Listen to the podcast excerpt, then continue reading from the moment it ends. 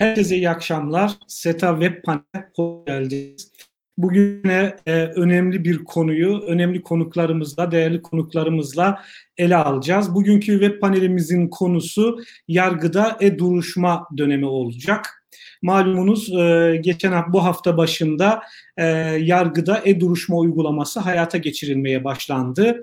E, 30 Mayıs 2019 tarihindeki yargı reformu strateji belgesinin Cumhurbaşkanı Erdoğan tarafından açıklanan yargı reformu strateji belgesinin önemli başlıklarından birisi de e, bu idi. Yargıda elektronik e, tek imkanların, teknolojinin daha fazla kullanılması, yargıya erişimin ve yargının etkinliğinin daha fazla arttırılması idi. E, bu yargı reformu strateji belgesi üzerinden bir yılı e, aşan bir süre e, geçti. E, ta, ta, e, çok sayıda düzenleme yapıldı. E, bu düzenlemelerden birisi de üçüncü yargı paketiydi. E, 28 Temmuz 2020 tarihli 7251 sayılı e, kanun ile kamuoyunda üçüncü yargı paketi olarak bilinen e, kanun ile yargıda e-duruşma uygulaması e, hayata geçirilmeye başlandı. Aslında ceza yargılamasında SEGBİS gibi bir sistemle e, yargıda uzaktan ifade alma, e, duruşma yapma imkanları zaten mevcut idi. Ancak bu e, imkanlar daha geniş bir şekilde özel hukuk yargılamalarında da, hukuk yargılamalarında da uygulanacak şekilde e, genişletilmiş oldu bu yasal düzenleme ile. E, zaten e, genel olarak e-devlet uygulamasının başarısı, yargıdaki e-devlet uygulamasının uzantısı diyebileceğimiz UYAP sisteminin başarısı, SEGBİS sisteminin veyahut e, elektronik tebligat e, sisteminin başarısı genel olarak kamuoyunda kabul edilmişti. Bu konuda ülkemize, yargımıza çok sayıda e, ödül verildiğini de biliyoruz. E, bu uygulamaların daha da genişletileceğini görüyoruz bu yeni yapılan yasal düzenleme ile. E, bu düzenlemenin özellikle e, gü, gündeme geldiği bu dönem e, yaşadığımız e, pandemi dönemi olması e, özellikle daha bir önem taşıyor. E, yani zaten e, bu elektronik sistemlerin kullanılmasının avantajları biliniyor idi. Ancak bunların üzerine yaşadığımız bu pandemi sürecinin riskleri de e, eklenince e, bu e, e-duruşmanın e, ülkemize sağlayacağı faydaların daha fazla olacağını söylememiz, yargının etkinliğini ve yargıya erişilebilirliği daha fazla artıracağını söylememiz mümkündür. Ben e, öncelikle konuklarımızı kısaca size tanıtmak istiyorum. E, birinci konuğumuz e, Adalet Bakanlığı Hukuk İşleri Genel Müdürü Hakan Öztatar Bey olacak. Hakan Bey e, programımıza hoş geldiniz. E, ikinci konuğumuz e, Ankara Sosyal Bilimler Üniversitesi e, Ceza Hukuku öğretim üyesi doçent doktor Erdal Yerderen hocamız olacak. Erdal Hocam siz de programımıza hoş geldiniz. Teşekkür ederim. Ee, üçüncü konuğumuz e, yine doçent doktor Nesibe Kurt Konca, e, SETA Hukuk ve İnsan Hakları Araştırmaları Direktörlüğü araştırmacısı ve aynı zamanda Çankaya Üniversitesi Hukuk Fakültesi öğretim üyesi. E, Nesibe Hocam siz de programımıza hoş geldiniz. ben konuklarımızdan çok fazla süre çalmadan hızlıca Hakan Bey'e söz vermek istiyorum ama kısaca Hakan Bey'i de tanıtmak istiyorum sizlere. Hakan Bey 1999 yılında İstanbul Üniversitesi Hukuk Fakültesinden mezun olmuş. Türkiye'de avukatlık ve sorunları başlıklı yüksek lisans teziyle yüksek lisans çalışmasını tamamlamış. E, 2000 yılında hakim savcı adayı olarak hakimlik mesleğine adım atmış. Karaman, Baskın, Finike hakimliklerini yaptıktan sonra hakimliklerinde görev yaptıktan sonra Adalet Bakanlığı Hukuk İşleri Genel Müdürlüğü'nde tetkik hakim olarak göreve başlamış. E, ee, 2013-2019 yılları arasında e, Hukuk İşleri Genel Müdürlüğü'nde Arabuluculuk Daire Başkanlığı görevini e, yürüttü Hakan Öztatar Bey. Özellikle yargı camiasında bu e, süreçte yürüttüğü, arabuluculuk konusunda yürüttüğü faaliyetlerle ve hizmetlerle e, tanınmış birisi. Bilenler biliyor. Arabuluculuk Kurumu'nun ülkemize kazandırılmasında ve geliştirilmesinde çok büyük emekleri oldu Hakan Bey'in. E, nihayet ondan sonra da 14 Ocak 2019 tarihinde Adalet Bakanlığı Hukuk İşleri Genel Müdürlüğü e, görevine getirildi. E, o tarihten beri bu görevi yerine getiriyor. Yargıdaki e-duruşma uygulamalarının mutfağında çalışan bakanlık bürokrasisi, hukuk işleri genel müdürlüğü e, ve o genel müdürlüğün e, başında da Hakan Bey var. Bize bu konuda genel bir çerçeve çizecek kendileri. E, e-duruşma uygulamasının nasıl hayata geçireceğini kendisinden dinleyeceğiz. Hakan Bey söz sizde buyurun lütfen.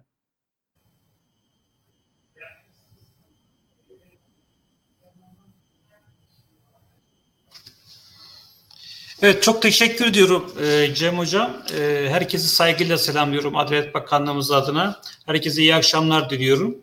Tabii bugün e, e-duruşma, elektronik duruşmayı konuşacağız. Özellikle bakanlık olarak neler yaptık, bundan sonra neler hedefliyoruz. Bundan sonraki süreçte e, takip ettiğimiz e-duruşma daha nasıl gelişebilir? Bu konularda ben size 15-20 dakika içerisinde kısaca bilgiler vermek istiyorum.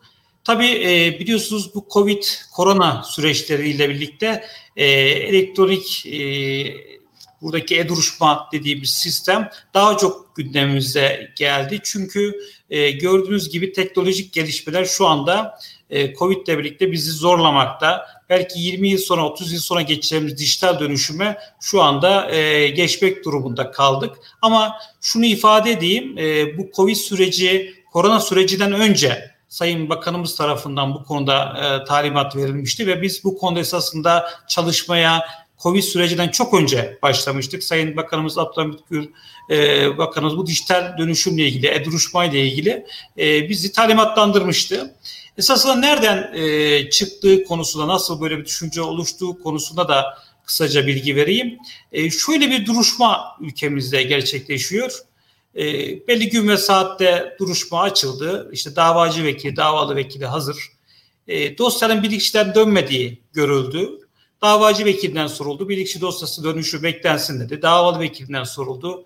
Bilirkişinin dosyasının dönüşü beklensin dedi. Gereği düşünüldü. Dosyanın bilirkişinin dönüşün beklenmesine, duruşmanın şu güne bırakılmasına. Şimdi böyle bir duruşma için Ankara'da böyle bir e, duruşmanın meydana geldiğini düşündüğümüzde işte bir davacı vekilinin Malatya'dan davalı vekilinin diyelim ki İstanbul'dan gelerek bilirkişi dosyasının dönüşünün beklenmesi kelimesi için belki işte bin kilometre yol yapıp e, belki yarım saat bir saat duruşmayı bekleyip ve bu zaptı aldıktan sonra geriye dönüşü e, düşürüldü. Böyle bir veya bir müzekkere cevabının beklenmesiyle ilgili bir duruşma yaptığımızı e, düşündüğümüzde veya işte davanın tebligat adresinin araştırılması ile ilgili bir duruşma yapıldığında şunu düşündük. Yani e, bulunduğu yerden avukat arkadaşımız, vekil arkadaşımız dosyanındaki bilişim dosyasının dönüşünün beklenmesi dese ve bu kadar e, işte kilometre yol gelmese, e, bu kadar saat beklemese de olabilir mi diye düşünürken Sayın Bakanımızın evet e, buyurun çalışın ve talimatlandırmasıyla birlikte esasında bu e-duruşma dediğimiz şey başlamıştı. Biz bu çalışmayı dediğim gibi Covid'den önce böyle bir şey olabilir mi diye başladık. Bu zaten bakanlığımız dijital dönüşüm noktasında da dünyada da çok iyi bir durumda. Bugün UYAP sistemimiz her gün ödüller alamakta. Yıllar içerisinde baktığımızda daha da gelişmekte. SEKBİS sistemi zaten kullanılan bir sistem olarak karşımızda durmakta. Ceza mahkemelerinde kullanılıyordu. Yine Adalet Bakanlığı olarak arabuluculuk olarak biz 2015 yılında arabuluculuk süreçlerinde video konferans, Skype kullanabilirsiniz, WhatsApp'tan ulaşabilirsiniz, SMS gönderebilirsiniz şeklinde kullanımlarımız vardı. Esasında buna çok da uzak değildik ama gerçekten baktığımızda e, duruşma bir reform, çok ciddi bir reform e, ve çok da ciddi e, işler yapacak e, düzeyde. Bu ne ile oldu sonra? Biliyorsunuz 7251 sayılı hukuk muhakemleri kanunu ile birlikte 28 Temmuz 2010 yılı, 20 yılında yürürlüğe giren bir kanunla birlikte de çerçevesi genişletildi. Esasla baktığımızda da üç çerçeveyle karşılaştığımızı görüyoruz.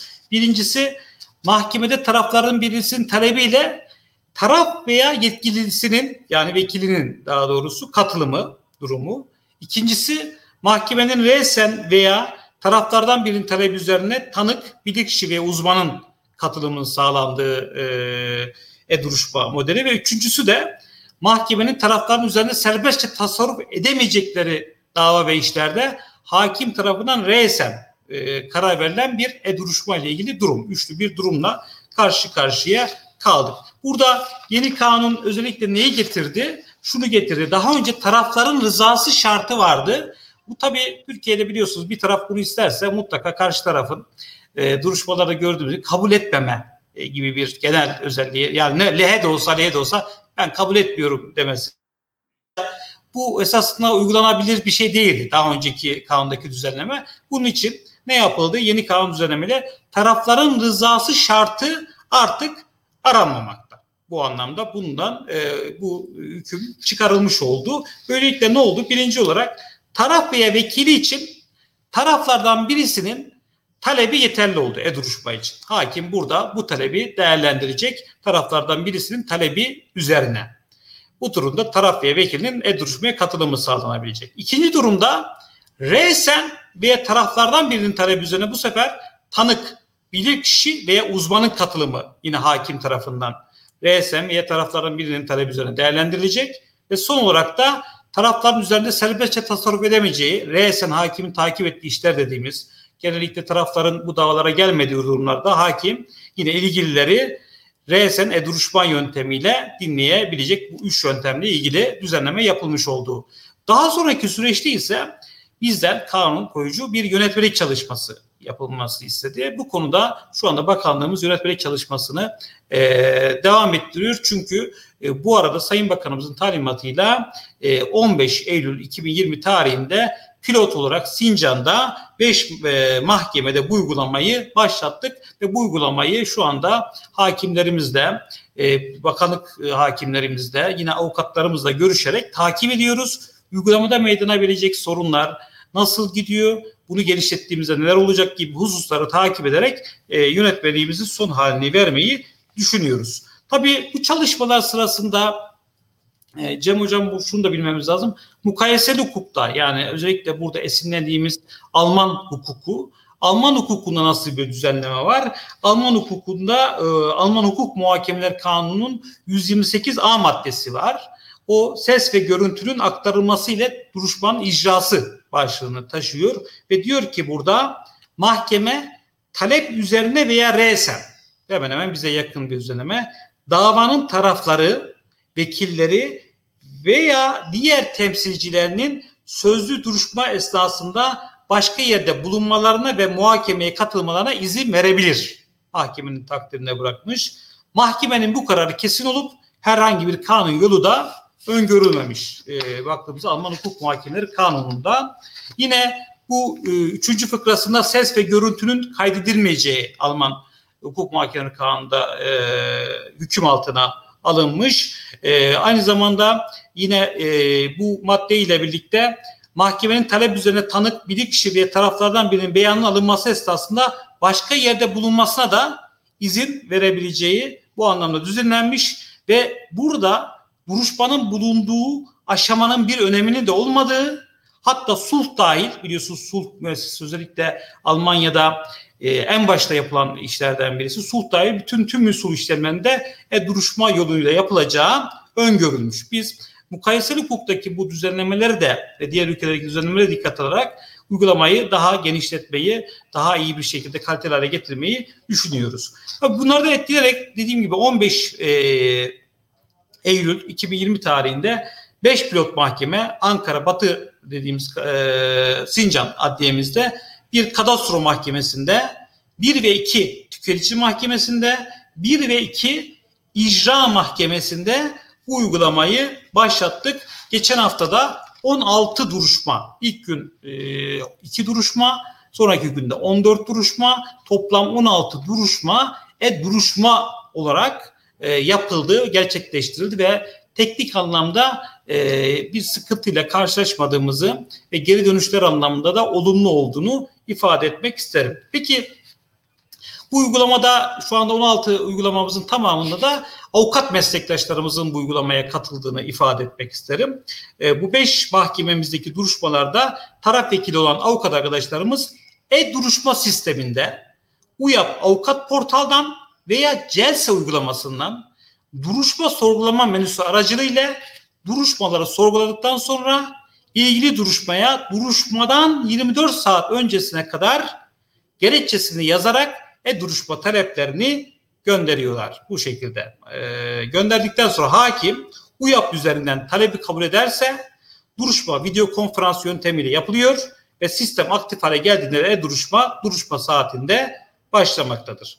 Tabii bu sistemle birlikte avukat arkadaşlarımızın elektronik imza yöntemiyle kimlik tespitleri, doğrulamaları yapılarak e-duruşmaya alınmaları da sağlanmakta. Avukatların video konferans ile bağlandıktan sonra bilgileri, fotoğrafı mahkeme hakimince UYAP sisteminden e, teyit ediliyor ve duruşma başlıyor. Tabii ileride belki yüz tarama veya parmak izi gibi güvenlik göre e, şeyleri de önlemler de olabilir ama şu anda dediğim gibi UYAP sistemi ve UYAP avukat portaldan e, girişler gerçekleştirilmekte. Tabii burada diğer kısım bilirkişiler e, ve uzmanlar ve tarafların katılımı ile ilgili de çalışmalar e, Cem Hocam devam etmekte. E, tabii bu pandemi dönemiyle birlikte dediğim gibi çok önem kazandı.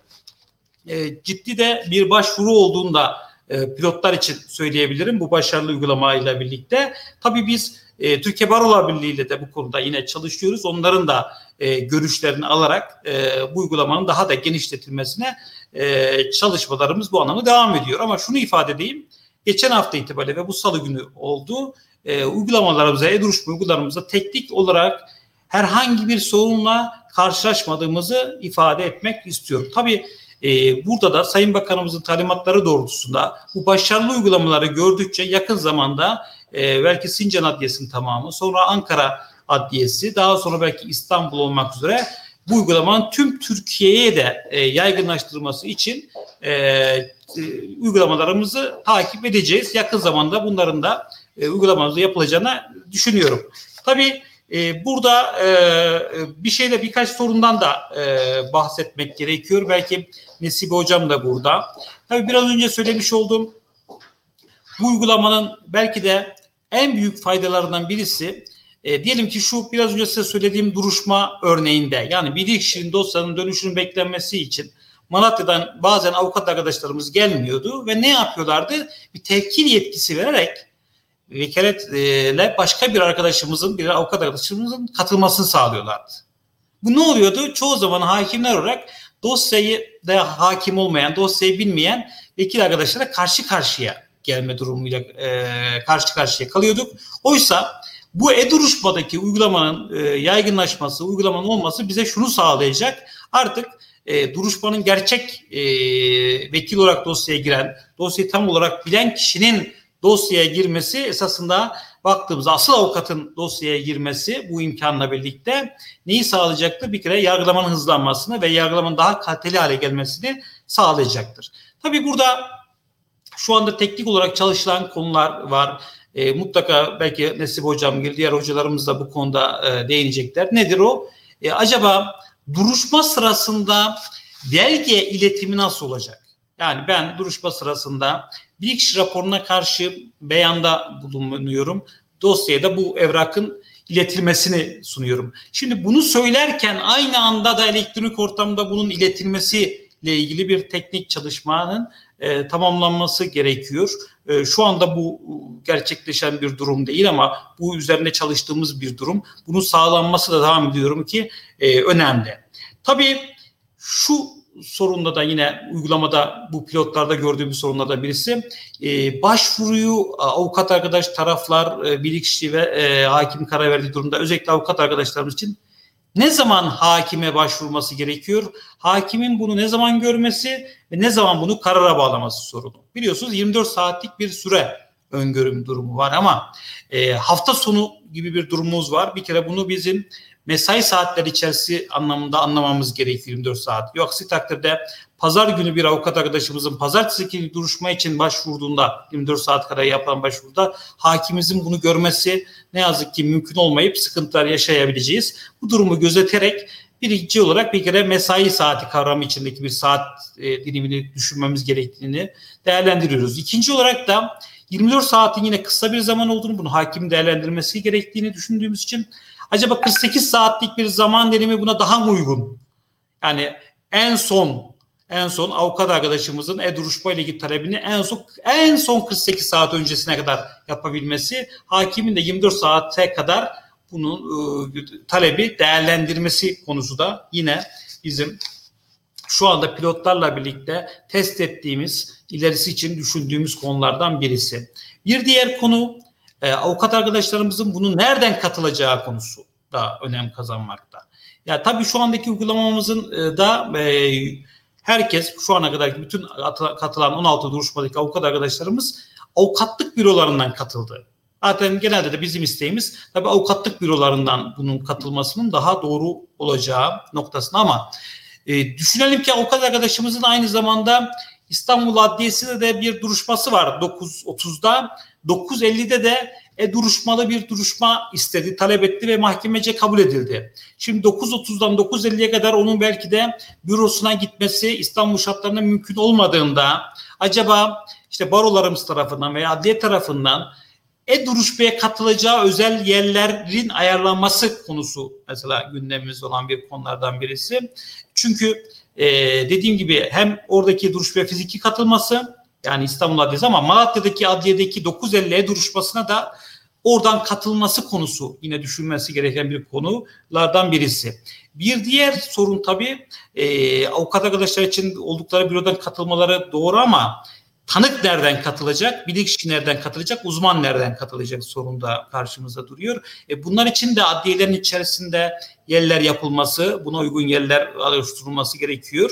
Tabii bir diğer sorun e, davalı tanığı acaba davalı avukatın yanında olması doğru mu olur mu? Herhalde düşüncemiz olarak e, davalı tanı, tanığının e, davalı avukatın yanında e, duruşmaya katılmasında doğru olmayacağı noktasında bir görüşümüz var. E, ne e, onun tanıklık yapılmasının e, orada daha sıhhatli olmadığı noktasında bir görüşümüz var. O zaman o tanık için mahkemede e, bir yer ayarlanması lazım. Yanında onun kimliğini tespit edecek bir yazı işleri müdürü ve katibimizin olması gerekiyor. E, bunlar da yine e, zamanla oluşturacağımız dediğim gibi bu sistem yeni bir sistem e, bu testlerle de bakıyoruz. Geliştirilmesi bu konularda geliştireceğiz. Bu konulardaki uygulamaların sonuçlarında yine göreceğiz. Bir diğer e, konu başlığı baktığımızda e, taraf vekili çevrim içi duruşma istedi. Mahkeme bu talebi kabul etti ama bir de baktı ki hakim tam çevrim içi girecek. Taraf vekili avukatımız geldi. Bu durumda ne olacak? Yani hakim sen çevrim içi e, duruşma istemiştin ben seni buradan kabul etmiyorum mu diyecek. Ya da ya da olur mu sen zaten esas olan fizik engelmendir. Duruşma salondasın buyurun buna başlayalım mı diyecek. Herhalde ikincisini söylemesi daha kolay olacak. Veya e, çevrim içi duruşma başladı ama bu durumda teknik bir sorundan dolayı katılamadı. Davacı vekil olarak düşelim. O zaman bu durumda e, davaya katılmamış sayılarak bunun müeyyidilerinden sorumluluğu ne olacak? Katılmamış mı sayacağız? Bu teknik sorunun ispatı konusu e, ne olacak? karşı taraf veya saat 9.30 dedik teknik sorunla birlikte başladık ama avukat arkadaş karşı tarafa bağlanamadık. Diyelim ki davalı vekili dedi ki ben beklemek daha istemiyorum biliyorsunuz bunu biz çok fazlaca duruşmalarda rastlardık. 9.30'da başlarken taraf avukatlarımızın birisi ben beklemek istemiyorum. İşte meslektaşımız da gelmemiştir lütfen e, duruşmayı e, bitirin dediğinde ne yapacağız? Böyle bir teknik arazide ne kadar bekleme e, yapmalı, ne kadar beklemek zorundayız? Bu da ayrıca bir konu. Tabii bu duruşmalar esasında baktığımızda fiziki duruşmalardan hiçbir fark olmadığı için oradaki mahkemenin düzeniyle ilgili, disiplin ilgili tüm şartların aynı burada da, e-duruşmada da olması düzeniz. Bu anlamda mesela avukat arkadaşlarımız da cübbeli şekilde yine mahkemede durdukları şekilde e, o nizam içerisinde duruşmanın inzibatının bozulmayacağı bir şekilde bunun e, sağlanması gerektiğini e, normal duruşmadaki usul ve neyse e-duruşmadaki usulün de aynısı olması gerektiği bir konu olarak önümüzde. E, bir diğer konu baktığımızda diyeceksiniz ne kadar çok konu var ama bunlar hep düşündüğümüz konular. E, bakıyoruz. Kamu avukatlarının katılımı konusu da bir başka konuların birisi. E, bunu da çalışmamız gerekiyor. Belki işte Milliyetin Bakanlığı'ndan katılmak isteyen Milliyetin Bakanlığı'nın avukat arkadaşımızın Milliyetin Bakanlığı içerisindeki bir yerde bu altyapının hazırlanan katılımı, Maliye Bakanlığı en fazla duruşmalara gelen bakanlığımız, e, Maliye Bakanlığımızın e, muhakemat müdürlükleri içerisinde belki de buralarda yerler hazırlanarak onların ne duruşmaya oralardan katılımının sağlanması işte kamu avukatları da yine düşünmemiz gereken bir konulardan birisi. Tabii bu e-duruşma dedik ama gerçekten e-duruşma e, isim üzerinde de bir e, çalışmalarımız var. Çünkü mukayeseli hukuka baktığımızda buna daha çok online duruşma deniyor. Online kelimesi de tabii e, Türkçe'ye çok uygun değil. E, çevrim içi duruşma diyoruz. Acaba işte çevrim içi duruşma kelimesi Türkçe'de e, dil kurallarında uygun acaba çevrim içi e, duruşma mı diyeceğiz. Bunlarla ilgili de bir çalışmalarımız e, devam ediyor. Tabii e, bu avukat arkadaşlarımız, tanık arkadaşlarımız, uzman arkadaşlarımızın katılımı önemli. Hakimin değerlendirmesine de dikkat etmemiz gereken bir müessese olarak bakıyoruz. Yani diyelim ki 100 e, tane talep geldi. Hakim 10 tane talebi değerlendirdi. 90 talepleri değerlendirmedi. Bu acaba hakimin susması, buna bir cevap vermemize, bunu reddetmiş mi kabul etmek gerekecektir? Yoksa bunu kabul etmiş mi kabul etmek gerekecektir? Veya değerlendirdiği süreçte ve gerekçeli bir red yapmalı hakim? Bunu gerekçe göstermeden mi reddedebilir bu anlamda ya baktığımızda. E, bunu da düşünmemiz gereken konulardan birisi olarak e, görüyoruz bu anlamda. E, şimdi hakimin tabii işi de çok fazla yoğun. Bununla da e, ekstra da olması anlamında bir sıkıntı yine olabilir. Ayrıca yoğunluk anlamında sorunlar da yaşayabiliriz. Çünkü gördüğümüz kadarıyla çok fazla şu anda yavaş yavaş talepler pilotta bile olmaya başladı. Yarın e-duruşma böyle bir Covid süreciyle devam ettiği müddetçe sanki çok çok daha fazla talepler gelecek. Belki e, fiziki dosyaların daha fazla gelmesiyle ilgili bir konu var. E, bir diğer konu ve esasında yakın zamanda e, çok ciddi şekilde çözülmüş konuda ıslak imza konusu da bizi zorlayacak ve düşündüğümüz konulardan birisi. Şimdi e, yaptığımız pilot uygulamalarda da o karşılaştığımız bir konuydu. E, ön inceleme duruşmasında veya davanın kabulü, feragat veya sulh gibi dosyayı tekamül ettiren, dosyayı bitiren e, bir kararla ilgili. Mesela davacı vekili ben davayı kabul ediyorum dedi e-duruşma sırasında. Biliyorsunuz fiziki olarak bu durumda ne yapıyorduk? Ee, hazır olan tarafın beyanı okundu, imzası alındı veya tanık dinlenme durumlarında tanığın beyanı okundu, imzası alındı diyorduk. Şimdi elektronik ortamdaki böyle bir durumda imzası nasıl alınacak? sorunuyla da karşı karşıyayız. Şu anda onun için esasında ben size anlattığım ilk duruşma örneğinde hatırlarsanız böyle kompleks bir duruşma örneği değildi o zaten. Ee, ve işte davanın kabul olan, sulu olan, yargılamanın daha ağır yapıldığı bir örnek değildi. Dilekçe dosyasının dönüşü beklensin. Müzekkere cevabı beklensin. İşte e, dava dilekçemi tekrar ederim veya işte aleyh olan hususları kabul etmiyoruz şeklindeki bir beyanla ilgili yapılan yargısallıktan daha çok idari e, yazılan müzekkere cevabının beklenmemesi gibi bir işlemin olduğu bir duruşma zaptından bahsetmiştim ama e, görüntü o ki gidişat e, böyle belki de işte davanın kabulü, sulhü, feragat gibi şeylerin de söyleneceği, tanık beyanlarının dinleneceği bir dosyaya taraf vekili avukat arkadaşının e, duruşmayla katıldığı durumlarda ıslak imzasının alınması konusu bir problem olarak karşımıza çıkıyor. Acaba burada elektronik imzayı HMK'da böyle bir düzenleme olmadığı için Yargıtay ne der bu işe, bu taraftan bir sorun olur mu konusunda yine ciddi şekilde çalıştığımız ve bu uygulamalarla birlikte takip ettiğimiz konulardan birisi. Veya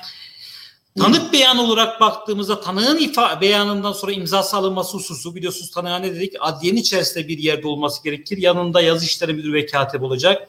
Acaba şöyle mi yapsak bu işte evrakı göndersek orada imza alınsa yeniden taranarak bize gelme gibi yöntemlerle bu bizi uzatır mı? Veya işte elektronik imzayla avukatın imzasını aldığımız durumda diyelim ki avukat arkadaş unuttu veya ulaşamıyoruz. E, hakimin onayının de onun imzasına bağlı olması 10 gün yapmadı, yapmıyorum dedi ne gibi sorunlar çıkabilir konusu. Yani e, toparlamaya çalışırsam esasında baktığımızda şunu iyi ifade edebilirim. Şu ana kadar ki bu 16 duruşmamız, bu salı günü yapılan duruşmalarımız başarılı. Hiçbir sorun ve sıkıntımız yok. Teknik anlamda da başarılı. Memnuniyet anlamda baktığımızda hakim arkadaşlar yargılamada herhangi bir gecikme olmadığını, normal bir prosedürdeki yargılamaya göre aynı yargılama süreleri içerisinde yapıldığını ifade etti. E, diğer baktığımızda avukat arkadaşlara Sayın Bakanımız da bizzat arayarak e, geri dönüşlerini aldığında onlar da bu işten memnun olduklarını, bu işin güzel olduğunu ve olumlu e, cümleler kurduklarını ifade ettiler. Ama biraz önce de size çalıştığımız, takip ettiğimiz bir sürü konuları herhalde söylemiş oldum. Belki 10 konu, belki 15 konu. Çünkü yeni bir sistem kurmak, yeni bir şey yapmak kolay değil. Bir diğer belki de son olarak söyleyeceğim bir konu olarak söyleyeyim. Ee, önemli bir konu olduğu için ifade edeyim. Kayıt meselesi de önemli bir konu. Yani e, işte bir şeyler söyledi arkadaşımız. Bunun yine aynı mevcut usulü duruşmadaki gibi duruşma zaptına yazılması mı bir kayıt altına alınması mı? Bu kaydın daha sonra taraflara verilebilir mi? Verilemez mi? Verilirse ileride bu kayıtla ilgili başka ihtilaflar çıkar mı? Çıkmaz mı gibi konularda yine mutlaka usul hocalarımızla, sizlerle, avukat arkadaşlarımızla, hakim arkadaşlarımızla görüşerek yani bu anlattığım konular tabii çıkan kanunun her şeyi biraz da e, yönetmeliğe bıraktığı ve bu konuları bizde de çalışacağımız için ve uygulamada da görüldükçe sorunlarımızı gördükçe, yaşadıkça e, belki de burada ifade etmediğim birçok şeyle de karşı karşıya kalacağımız için e, tabii izliyoruz, görüyoruz, takip ediyoruz. Ona göre de yönetmeliğimizin e, son şeklini vermek üzere Sayın Bakanımızın talimatlarıyla gideceğiz ama başa dönersek çok önemli bir reform, çok önemli bir e, şu anda yargımız için önemli bir e, ne diyelim devrim niteliğindeki bir uygulama e, bu uygulamanın genişletici konusunda hiçbir şüphem yok. Bence de başarılı başladık ama yaygınlaştırdıkça dediğim o sorunlarla karşı karşıya kalmamız mümkün. Avrupa'da Almanya biraz uyguluyor. Covid ile birlikte bunlar da gelişiyor. Yani Avrupa'da da tamamen uygulayan e, bazı ülkeler var ama öyle çok ciddi gelişmişlikleri yok. Biz de bu konuda onlara geçebilecek ve belki de daha iyi noktalara gelebileceğimize de inanıyorum. E, bunun e, başta tabii e, Sayın Bakanımız olmak üzere emek veren herkese ben e, teşekkür ediyorum. E, yargı dünyamız için hayırlı olmasını diliyorum. İnşallah süreç içerisinde hocalarımızın katkıları hem de hmm, inşallah sizlerin sorularına da cevap vermeye çalışacağım. Ben teşekkür ediyorum Cem Hocam. Sağ olun. Saygılar sunuyorum. Teşekkür ediyoruz Hakan Bey. Ee, çok güzel bir sunuştu. Temel konulara değindiniz e-duruşmanın önemi, e, e-duruşmanın e, üç modeli, bakanlığın bu konuda yaptığı yönetmelik çalışmasından bahsettiniz.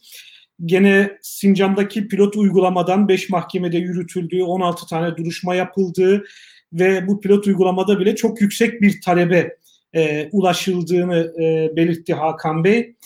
E, Alman kanunundaki benzer hükmü ve bizim hukukumuza benzerliğinden e, bahsetti. Teknik olarak çok başarılı ve sorunsuz e, işlediğini anlattı. Sonrasında da Hakan Bey e, bir takım sorun alanlarına değindi. E, bunları tek tek saymak mümkün değil. Her birisi son derece önemli, uygulamada karşılaşılabilecek sorun alanları olduğunu gördük.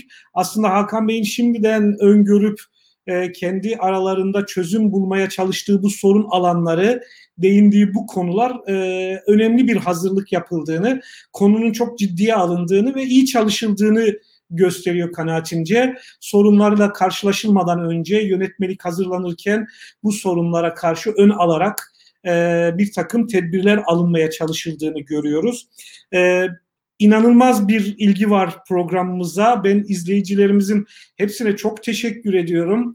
Son e, aylarda yaptığımız web panellerin e, neredeyse ortalama katılımının 4-5 katı e, civarında bir katılımla karşı karşıyayız.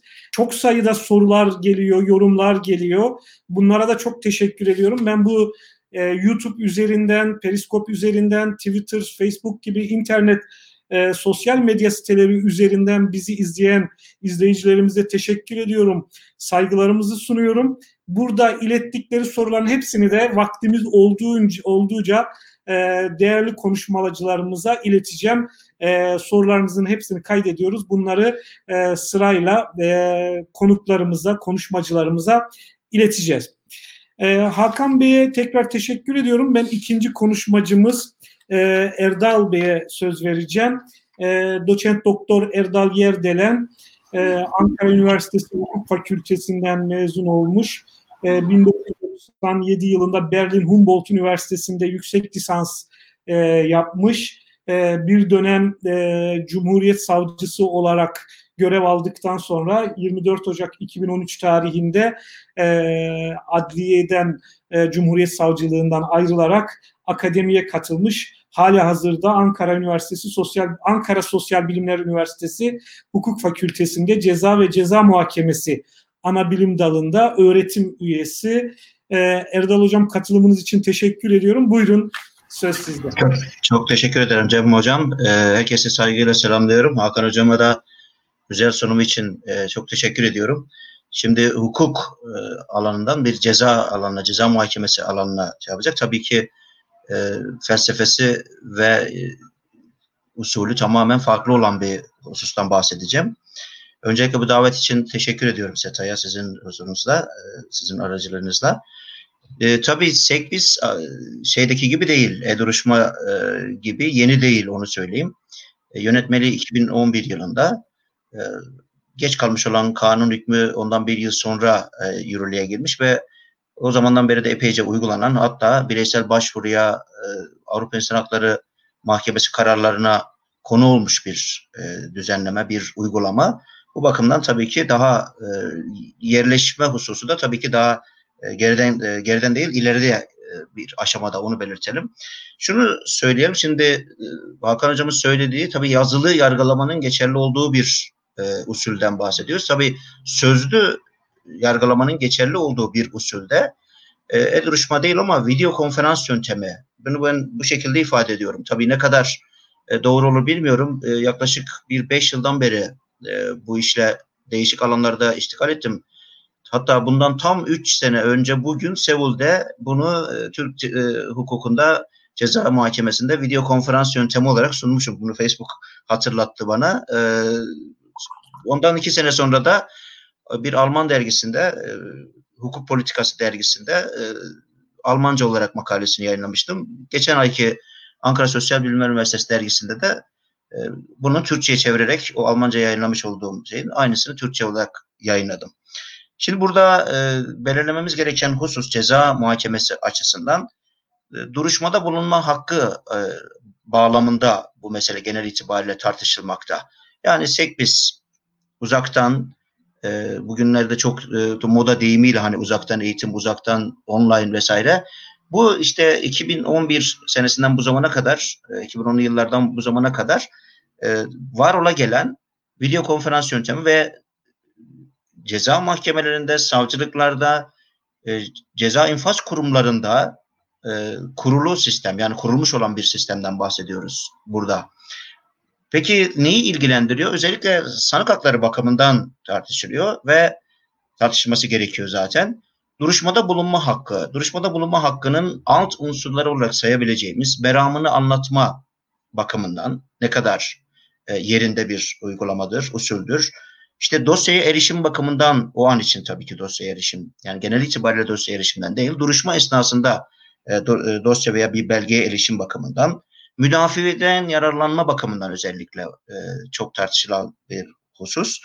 Yüz yüzellik ve nasıl geçerli gerçekleşiyor? Yani yüz yüzellik bakımından duruşmada gerçekten bulunma, fiziki bulunma anlamına mı geliyor? Yoksa e, istinabe talimat yerine mi geçiyor? Burada ben hemen fikrimi söyleyeyim. E, bir kere ikisi de e, olmadığı kanaatindeyim. E, ikisini de net olarak karşılanmadığı kanaatindeyim. Yani e, talimattan çok çok daha Hakan Hocam saydı o faydaların birçoğunun altını ben de imza atarım. O faydalar bakımından hiçbir şey yok.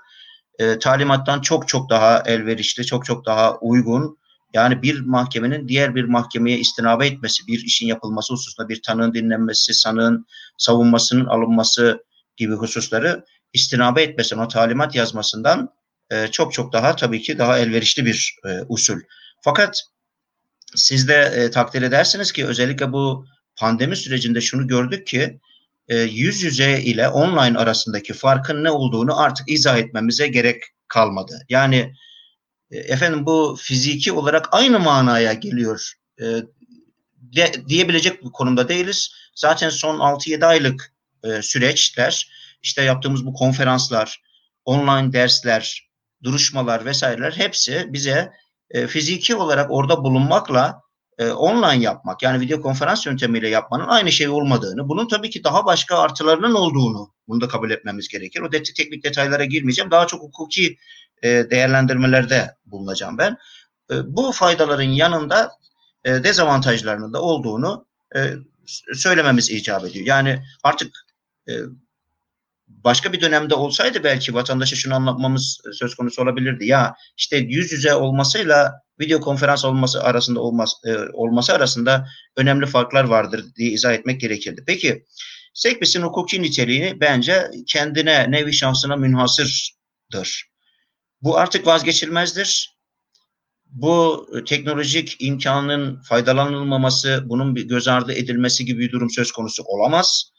Bunun için milyonlarca e, TL'lik yatırımlar yapılmıştır. Adalet Bakanlığı tarafından adliyelerde dediğim gibi sekbis odaları, e, sayısız ekranlar, e, değişik açılardan görüntüleri sunan e, kameralar vesaireler, yine karşı tarafa izlemek için büyük dev ekranlar. Bunu birçok seferinde de e, şahit olduk. E, yani örnek olarak verecek olursam bir tedavi kurumunda da işte 12 Eylül yargılamasını tedavi kurumunda da Kenan Evren'in e, ifadesinin alınmasını örnek olarak söyleyebilirim. Daha birçok örneği var ama bu en can alıcı olması bakımından söyleyeyim. Suyu generis dedim hocam hangisidir? Yani talimat saymamak lazım. Talimattan çok çok daha evla bir durum, çok daha iyi bir durum. Yalnız fiziki olarak yüz yüzeliği karşılayan, tamamen karşılayan, herhangi bir şekilde yüz yüzelikten farkı olmayan bir kurumdur deyip de bir tek kalemde de çizemeyiz. Öyle bir durumda söz konusu olsaydı zaten bu tartışmalar e, gündeme gelmezdi. Tabii Sekbis e, bu sanık hakları içerisinde duruşmada bulunma, kendini ifade etme, meramını anlatma, yüz yüzelilik ilkesini karşılama bakımından bu sakıncaları e, doğurabilecek bir durum. Hangi sakıncalar biraz sonra daha detaylandırabilirim. Bunu e, karşılayabilmek adına Hakan Hocam biraz önce söylemedikleri, söylemleri çok hoşuma gitti. Tabii Adalet Bakanlığı'nın SEKBİS'le ilgili de bir artık pratiği var, bir tecrübesi var. Sanırım bunun e, hukuk mahkemesinde uygulanabilir taraflarını da alınabilecektir. Yani hangileri nasıl e, şey yapılabilir? Mesela kimlik tespiti. E, ceza davasında da bu ciddi bir ceza duruşmasında da ciddi bir problemdir. Ve e, aslında bir yaz işleri müdürü veya e, katibin değil, e, yargı görevi yapan birisinin orada bulunabilmesi veya adli görev yapan birisinin orada bulunabilmesi isteği değişik durumlarda doğabilmektedir. Mevzuat açısından bir e, tabii ki aslında mevzuat açısından çok genel bir şey söylemeyeceğim ama infaz özellikle çok fazla son dönemde e, çalışıyorum ve şunu gördüm ki yönetmeliğe çok fazla e, bırakmaya başladık. Yani e, bazı e, hususları ana hatlarıyla yönetmeliğe atıfta bulunarak e, atlamak, orayı o şekilde geçmek çok yerinde değil. Bu ileride e, baş ağrıtabilecek bir durum. Yani kanunilik ilkesini hatırlatmak istiyorum. Yani bir kişinin e, sanık olsun ya da işte insan hakları ile ilgili temel hürriyetlerle ilgili ki burada temel hürriyetlerden hangisinden bahsediyorsunuz hocam diyecek olursanız eğer tabii ki Avrupa İnsan Hakları Mahkemesi e, Sözleşmesi'nin 6. maddesindeki adil yargılanma ve onun alt dallarıyla anayasamızın 36. maddesindeki adil yargılanma ve yine onun alt birimleri bakımından ifade etmek istiyorum. Özellikle müdafiden yararlanma ama bunları şimdi ne yapmamız icap ediyor? Şimdi bir karamsar tablo e, çizmeyeceğim. Bunların çıkar yolunun bulunması, çözüm yolunun üretilmesi, uygulamacının bunu yapması, tabii kanun koyucunun bunu e, yapması icap ediyor. Yani ortada sekbis bakımından güllük gülistanlık hiçbir sorun olmayan bir durum varmış şeyini sö- söyleyemeyiz ama yok ya bu sekbis elimizin tersiyle itirecek bir durum. Ya e, bu kadar şey olmaz işte sanık o da kabul ettiğim bir durum değil. Bunu oturup gerçekten çalışmaya çok çok hevesliyim e, özellikle kan, bununla ilgili yapılacak bir kanun çalışmasında da e, o, o, bir kanun çalışması olması gerektiğini düşünüyorum. Yönetmelik çünkü söyleyeyim 2011 tarihli yönetmelik, Sekbis yönetmeliği tamamen teknik alanı düşünmüş. Yani deyim yerindeyse bilgi işlem dairesi sanki üzerinde çalışmış gibi geliyor bana. Tabii bu e, bir ithamda bulunmak istemiyorum. Teknik yönleri daha çok ağır basıyor. Bundan dolayı bunu kullanıyorum. Yani bilişim e, de bilişim hukukunda bugün gündüz e, Anayasa Mahkemesi'nin 8. bilişsel başvuruyla e, şey vardı, sempozyumu vardı. Orada bilişim oturumunu izleme şansım oldu. Çok güzel bir şey söyledi Bedikaya hocamız. E, bilişim alanı detay düzenlemeyi gerektiriyor. Çünkü e, genel düzenlemelerle bunu işi e, çözmek mümkün değil. Bakın biraz önce Hakan hocamın e, saydığı o sorun olabilecek hususlar çok detay, çok üzerinde çalışılması gereken, nasıl çözülmesi gerektiği hususunda fikir üretilmesi, beyin jimnastiği yapılması gereken meseleler. Bir kere e, burada kanunla düzenleme meselesini kanunla düzenleme hususunu e, tekrar et, etmem gerekiyor. Yani e, temel hak ve hürriyetler anayasanın 13. maddesi, yine 36. madde anayasanın ve Avrupa İnsan Hakları e, Sözde, Mahkeme e, Sözleşmesi'nin 6. maddesi gereği kanunla düzenlenmesi gerekir. E, burada bir süreçten bahsedecek olursam yargı kararlarından şöyle bir süzerek devam edecek olursam eğer ki sonunda da bitirmek istiyorum. Çünkü çerçeveyi bu şekilde çizmek istiyordum. Yani yargı kararları çerçevesinde sekmiş nereye oturur diyecek olursak eğer tabi Yargıtay'ın ceza e, dairesinden başlamak gerekir. 16. Ceza Dairesi'nin önemli bir e, kararı var. Özetle e, söyleyeyim. İsteğe bağlı olarak zorunlu, tabi, e, zorunluluğa tabi tutulmadan esaslı meselelerin çözüldüğü durumlarda mutlaka yüz yüze olarak yüz yüze olarak e, konuşmamın başında söyledim. Burada bir sözlülük ilkesi geçerli. Yani ceza muhakemesinde yazılılık değil sözlü ilke e, geçer. Yani herkes e, duruşmada konuşmak durumunda, ifade etmek durumunda ve ben şunu biliyorum iletişimin e, yüzde 67'si vücut dili ve tabii iletişimciler daha şey yaparlar. Bu vücut dilinin yüzde 85'inin de yüz olduğu söylenir ama duruşmada e, duruşmada bulunma bu bakımdan önemli. Bunu bir, bir kere izah edeyim ama ben orada bulunmuşum fiziki olarak ya da görüntüm bulunmuş. Bunun arasındaki farkı Marcelo Viala kararında tartışıyor.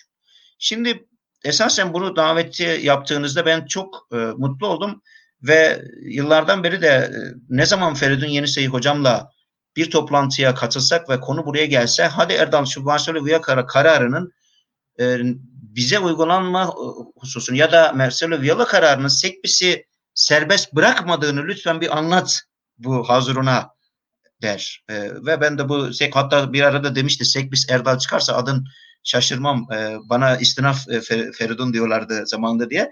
Tekrar tekrar söyleyeyim altını çizmek istiyorum. Bu kadar yatırım, bu kadar bilişim kesinlikle ve kesinlikle çok güzel e, kullanılmalı ve kullanılıyor da münferit demeyeyim ama bazı sistem hataları var. Onlara dikkat çekeceğim ve bunların da çok ucuz yolla giderilebileceğini düşünüyorum. Yani teknik olarak e, müdahaleden bahsetmiyorum. Me, mevzuat olarak ve uygulama olarak. Nelerdir? Marcelo Viala kararı, şu, şuradan geleyim, alt kademeden geleyim. 16 ceza dairesi öyle dedi. 16. ceza dairesi evet zorunlu hallerde ve e, esaslı husus, hususlarda mutlaka dedi şey olsun. E, esaslı unsurların, delillerin tartışıldığı yüz yüze olsun dedi. Ceza Genel Kurulu 2017'de buna yaklaşık olarak uydu.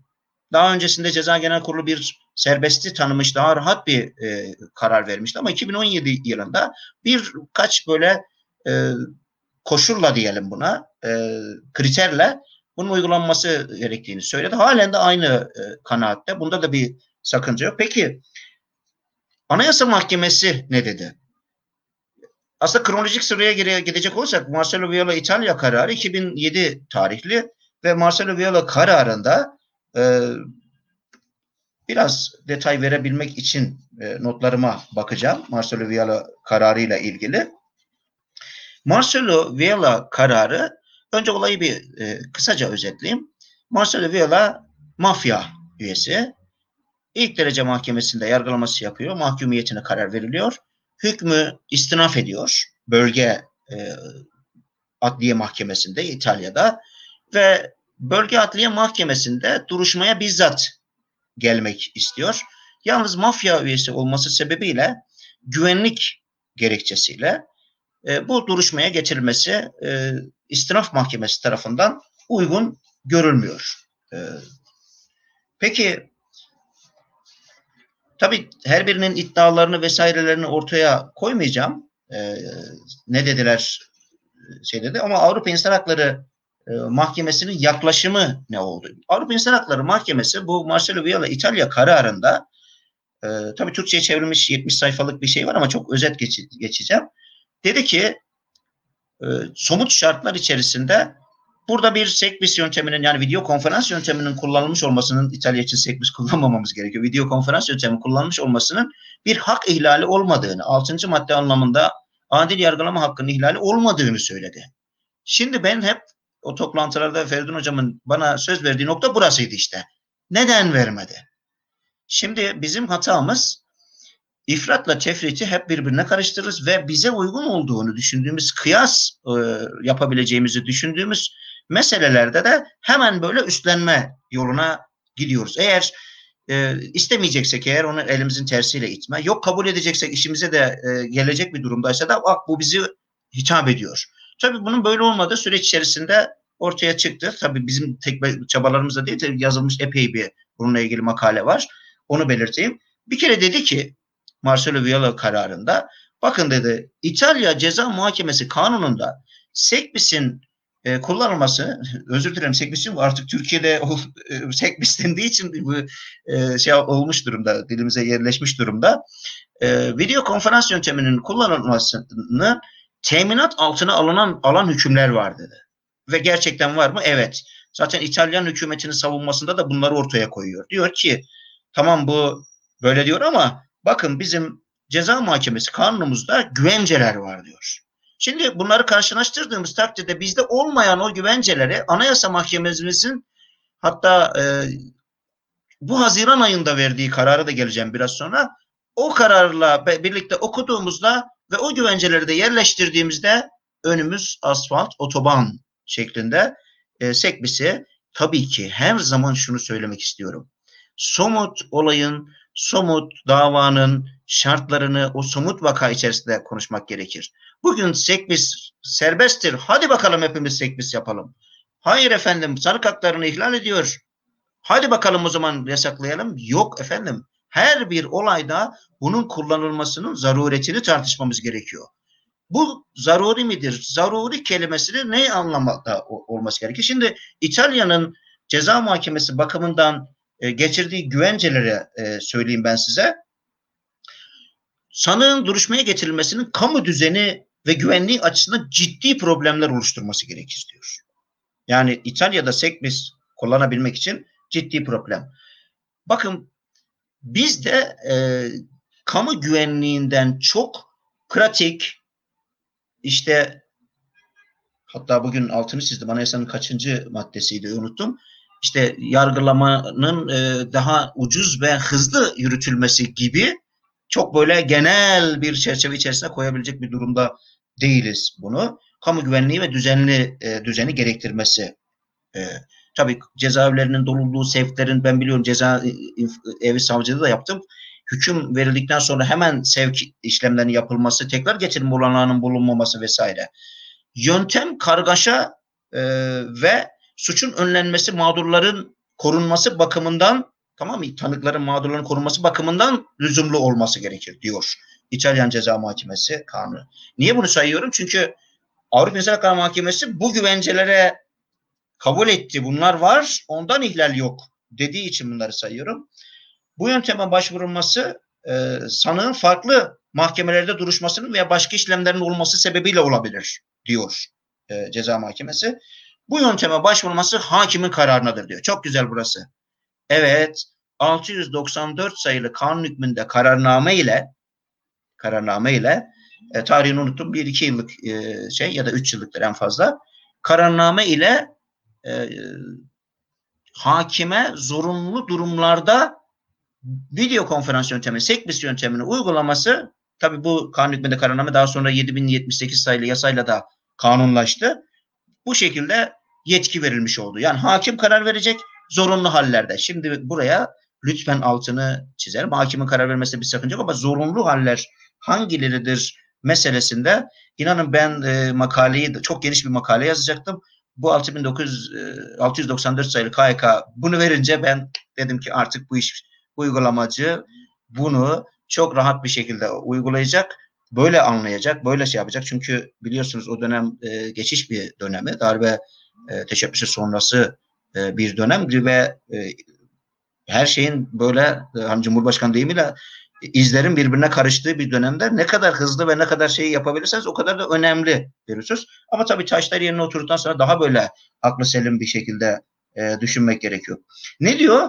Hakim sana diyor 10 gün önceden söyleyecek. Bizde de diyor önceden bilgi verir diyor. Ama bu, e, yönetmelikte söylüyor bunu. Kaç gün önceden olduğunu söylemiyor. Zor bir şey değil kanuna 10 gün önceden ya da 15 gün önceden e, bilgi verilir denmesi. Hiç bir sakıncalı bir durum değil. E, duruşma salonu ile bakın bu şartlar varsa diyor duruşma salonu ile tabii şunu söylüyor bir de herkesin herkesi görebileceği bir teknik yapı olması ve teknik altyapının e, herhangi bir arızaya, kesintiye mahal vermemesi gerekiyor. Tabii ki e, ne olursa olsun işte biraz önce teknik e, sorunu e, bizzat e, kendi üzerimizde yaşadık. Yani olabilir yani bu bu vaz, e, şey zorunlu bir durumudur. İnsani şeydir. Ne, ne kadar teknik ve bilime bırakırsak bırakalım bunlar olacaktır. E, o zaman diyor işte video konferansın e, uzaktan yapılan o video konferansın bulunduğu yer ile duruşma salonunu aynı salonmuş gibi kabul ederim diyor. Yani böyle bir yaklaşım sergiliyor. Ee, sanık müdafi diyor her zaman sanığın yanında olur diyor. Bakın hep İtalyan Ceza Mahkemesi'ni sayıyorum. Çünkü İtalyan Ceza Mahkemesi'nin bu şeylerini güvence olarak kabul ettiği için söylüyorum. Bizde de zaten hakimlerimiz gerçekten bunu hassasiyetle 2011 yılından beri uygulayan hakimlerimi tanıyorum ben. Yani sekbis yöntemini kullanırken sanığın e, eğer mümkünse şey, müdafinin sanığın yanında olması. Sanığın yanında değilse bu çok önemli altını çizeyim. Sanığın yanında değilse sanıkla hiç kimsenin duymayacağı şekilde konuşabileceği özel bir iletişim hattının yani bir telefon hattının olmasını istiyor. Çünkü sanıkla e, müdafinin görüşmeleri her zaman görüşme yapabilir. Sanık müdafinin yardımından faydalanabilir ve bunu kimsenin duymaması gerekir ki cezaevinde bile cezaevinde bile diyorum müdafi görüşme odaları camlı camlı görünür ama duyulmaz ortamlardır. Görünür olmasının sebebi de güvenliktir. Ama ne konuştukları asla duyulmaz. Hangi şey olursa olsun bir iki basit istisnası var ama oraya değinmeyeyim. Şimdi eğer müdafi sanığın yanında değilse bu e, şeyi vermesi gerekir dedi. E, neydi onun adı? İletişimi vermesi gerekir dedi. Bu ceza muhakemesi bakımından yani e, İtalyan Ceza Mahkemesi'ndeki e, güvencelerde ufak tefek bizden de karşılık vermiş oldum ama şunu söyleyeceğim. Sekbis yönetmeliği bunu düzenlemeye çok muhtedir. Yapabilir yani bunu.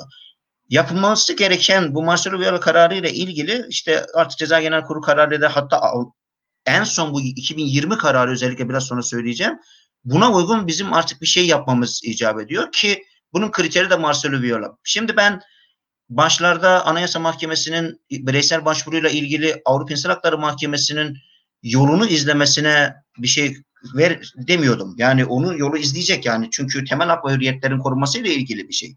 Benzer kararlar verecek, e, pilot kararlarını oradan alabilecek ama e, artık bir miktar orayı aşması, aşmamız gerekiyor. Yani çünkü bizdeki mevzuat inanın bakın bunu öyle şeyden konuşmuyorum. Bizdeki mevzuat Avrupa'da ne Fransa'da ne Almanya'da olmadığını düşünüyorum. Bunu bir Alman profesöre dayanarak söylüyorum. Bakın ben doçentlik tezimi gerekçe olarak yazdım. Gerekçenin tartışıldığı bir toplantıda 230. madde var. Anayasamızın 141. maddesi var. Ceza Mahkemesi Kanunumuzun 34. maddesi var. 230. maddesi var. Bak gerekçede bu nelerin bulunması gerektiğini tek tek sayıyor dediğimde Alman profesör şaşırdı dedi ya mükemmel bir düzenleme. Biz zaten mevzuattan hiç tem vurmuyoruz dikkat edin. uygulamayla ilgili sıkıntılarımız genel itibariyle. Bakın bu kadar milyonları harcamışız, bu kadar mevzuat yapmışız. Geliyorum Marcelo Vieira kararının sonuna. İtalya Anayasa Mahkemesi de bu sebeple e, ihlal kararı vermemiş. Daha önceki uygulamalarında bunu söylüyor. Sanığın kimliğin tespiti açısından diyor yine ceza mahkemesinde bir şeyi söyleyeyim. Mutlaka bir mahkeme yetkisini, tabi burada hakim demeyeyim bu ağır bir e, yükümlülük olur. Ama bir mahkeme yetkilisinin olmasını istiyor. Burada hemen cezaevinde sekbis bağlantısını söyleyecek olursak eğer orada infaz koruma memurunun olması infaz koruma memuru tarafından yapılması, ortamın e, cezaevi ortamı olması bir değişik sakıncaları da beraberinde getirmeye e, gebe demeyeyim artık getiriyor onları da. Çünkü biliyorsunuz duruşmalarda bağımsız yerine alır. E, yani bağımsız dediğim kelepçesiz yerine alır e, jandarma iki tarafında durur. Tutukluysa eğer sanık. Bağsız mı? Bağını çözdünüz mü? Öyle geçir. Hatta duruşma salonunun içerisinde çözdüğü için e, kolluğa e, çıkışan hakimi biliyorum ben. Yani dışarıda çözüp getirsin de. Şimdi cezaevi ortamında e, ifade alıyoruz. E, oradan bakıyoruz. Bağlı mı? Bağ, bağımsız zaten. Hani zaten ortam e, serbest bir ortam değil. Biraz sonra söyleyeceğim 2020 kararında çok çok enteresan. Adam cezaevindeki disiplin suçundan dolayı yargılanıyor. Onu da belirteyim. Şimdi hızlı geçeyim. Karar isimlerini söyleyeyim. E, kıymetli dinleyiciler sanırım oradan yürüsünler, oradan e, şey yapsınlar. 2015 tarihli Erdal Korkmaz ve diğerleri kararında Anayasa Mahkemesi detaylı e, bir tartışma yaparak e, sekbis yönteminin kullanılmasını DHKPC e, örgüt üyesi olması sebebiyle güvenlik vesaire e, tartışmalarını yaptı ama okuyabilirler e, dediğim gibi dinleyiciler. Orada bir ihlal kararı vermedi. Yalnız 2020 çok enteresan. Bu Haziran daha kaç ay oldu? 3-4 ay oldu. 3 ay oldu. Ee, burada iki tane e, başvurucunun kararı var. İsimlerini bulmam gerekir çünkü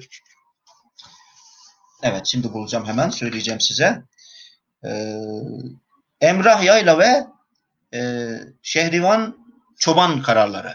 Emrah Yayla kararı e, cezaevinde disiplin e, cezası almış yani cezaevindeki disipline aykırı eyleminden dolayı disiplin cezası almış olan e, Emrah Yayla e, buna itiraz ediyor. Buna itiraz, işte ziyaretçi kısıtlaması ve hücre cezası almış. Buna e, itirazı tabii ki şey yapacak şikayet yol, yoluyla infaz hakimliğine yapacak 4675 sayılı. İnfaz hakimi duruşmalı yapmaya karar veriyor. Yalnız duruşmayı da sekbiste yapmaya karar veriyor. Fakat Sekbis'le yapılmasına karşı çıkan e, bu başvurucu diyor ki gelmeyeceğim. Yani Sekbis odasına gelmeyeceğim, şey vermeyeceğim. Nedir onun adı? İfade vermeyeceğim, savunma yapmayacağım diyor. Yapmıyor. E, artık neticesi ne olursa bu yöntemin bu şekilde kullanılmasının kendisinin e, rızası dışında e, Sekbis yönteminin kullanılmasını Anayasa Mahkemesi'ne taşıyor. Anayasa Mahkemesi burada aslında diğer değerlendirmeleri tamamını yaptıktan sonra e, mahkemenin neden duruşmaya geçirmedi? Aslında bakın gerekçeyle ilgili meseleler. Ya gerekçe hayatın anlamı aslında. Ya bu, bu konuda çok mesudum yani bu doçentlik tezini böyle yazmış olmaktan dolayı gerekçeyle. Ne yaparsanız yapın, ne anlatırsanız, ne söyleseniz söyleyin bir bunun nedeninin olması gerekir. Şimdi bunu ben burada anlatıyorsam bunun bir sebebinin olması gerekir. Sebepsiz hiçbir şey olmaz. Yani delilsiz cennete girilmez diye bir laf var öyle biliyorum ben. Yani bir delil lazım, bir sebep lazım e, bunun için.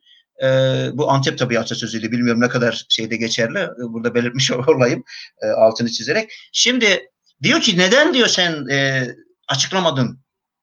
Yani hem diyor duruşma yapmaya karar verdin hem getirmedin ama neden geçirmediğini açıklamadığı için ihlal kararı verdi. Fakat ben tabii içeriğini de biraz esas olarak eleştireyim. Duruşma açmaya karar verdin. İnfazla ilgili bir mesele.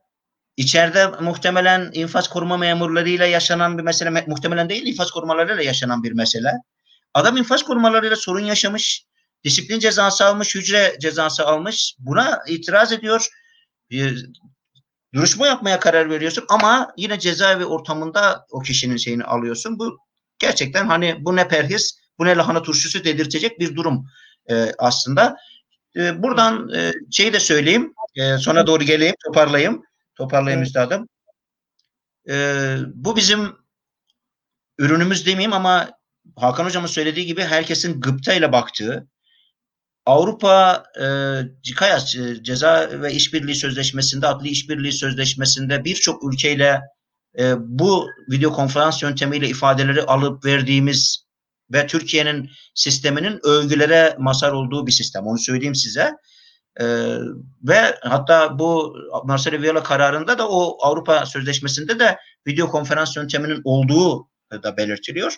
Bu kadar güzel kurulmuş sistemin e, çok böyle basit kanuni düzenleme ve detaylı bir yönetmelikle çok e, daha kullanışlı diyeyim, kullanımı önüne açacak ve bizi de Avrupa İnsan Hakları Mahkemesi'nde ve e, Anayasa Mahkemesi'nde bireysel başvuruda herhangi bir sıkıntıya soruna sokmadan e, bu işi çözeceğini biliyoruz. Bunlara dokunulması gerek, e, gerekir. Sadece diyeceğimiz hep budur. Bütün platformlarda bu şekilde söyledik. E, yapanlardan Allah razı olsun diyelim. Teşekkür ederim Bu hocam. verdiğiniz için çok çok teşekkür ediyorum. Ee, öncelikle. Ee, bu vesileyle bir miktar daha sekbis meselesine de daha de, yakından e, göz atma ve devamlı çalışmalara bu alanda devam etme durumu oluştu. Madem ki bir şeyler yapılması gerekiyor, biz de elimizi taşın altına sokacağız. Ne zaman da çağrılırsak o zaman orada olacağız inşallah. Ben de katılımın ve katkınız için çok teşekkür ediyorum Sayın Hocam. Ee, Erdal Hocam da 8 uygulamasının ceza yargılamasında aslında 2011 tarihinden beri e, e, mevcut olduğundan bahsetti. E, yani ceza yargılamasında hukuk yargılamasına göre daha eski bir e, tecrübeye sahibiz e, e-duruşma açısından. E, tabii bunun e, yargılamaya ilişkin bir takım ilkelerle ilişkisinden söz etti. Duruşmada bulunma hakkı, dosyaya erişim hakkı gibi bir takım haklarla ilişkisinden bahsetti. Temelde SEKBİS sim çok faydalı, çok verimli bir e, uygulama olmakla birlikte bir takım düzenlemeler yapılması gerektiğinden de e, söz etti. Anayasa Mahkemesi'nin e, bireysel başvuru iştahatları, Avrupa İnsan Hakları Sözleşmesi ve bu sözleşme kapsamında Avrupa İnsan Hakları Mahkemesi'nin iştahatları çerçevesinde e, bir takım somut önerilerde de bulundu. Kendisine çok teşekkür ediyoruz. E, son olarak e, üçüncü e, konuşmacımız e, Nesibe Kurt Konca, doçent doktor Nesibe Kurt Konca, Çankaya Üniversitesi Hukuk Fakültesi öğretim üyesi, aynı zamanda SETA Hukuk ve İnsan Hakları araştırmacısı.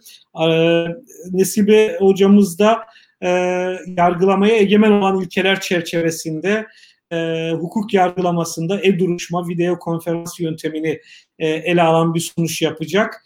E, bu arada belirteyim tekrardan e, bizi özellikle YouTube ve sosyal medya siteleri üzerinden izleyen izleyicilerimize tekrar çok teşekkür ediyoruz. Çok ciddi bir katılım e, ve e, olumlu yorumlar var. Şu anda onları görüyoruz. Sorularınızın hepsini elimizde geldiğince e, konuklarımıza ileteceğiz. E, yazmaya ve bizi izlemeye devam edebilirsiniz. E, Nesip Hocam buyurun. Size de 15 dakikalık var. Dinliyoruz. Teşekkür ederim hocam. Ee, tüm katılımcıları saygıyla selamlıyorum. Herkese sağlıklı günler dileyerek sözlerime başlamak istiyorum. Ee, e-duruşma e, şu an e, kullanılan ifade ancak hukuk muhakemeleri kanununun 149. maddesinde mevzuatta kullanılan ifade e, ses ve görüntü nakli yoluyla duruşma icrası. E, bu madde e, aslında 2011 yılında HMK düzenlemesinde e, vardı. Lakin e, 3. yargı reformuyla beraber, 3. yargı paketiyle birlikte pardon, e, daha uygulanabilir hale getirilmeye çalışıldı. Ee, şimdi e, benim ses ve görüntü nakliyle tanışmam 2006 yılında kaleme almış olduğum doğrudan doğruyalık ilkesiyle oldu.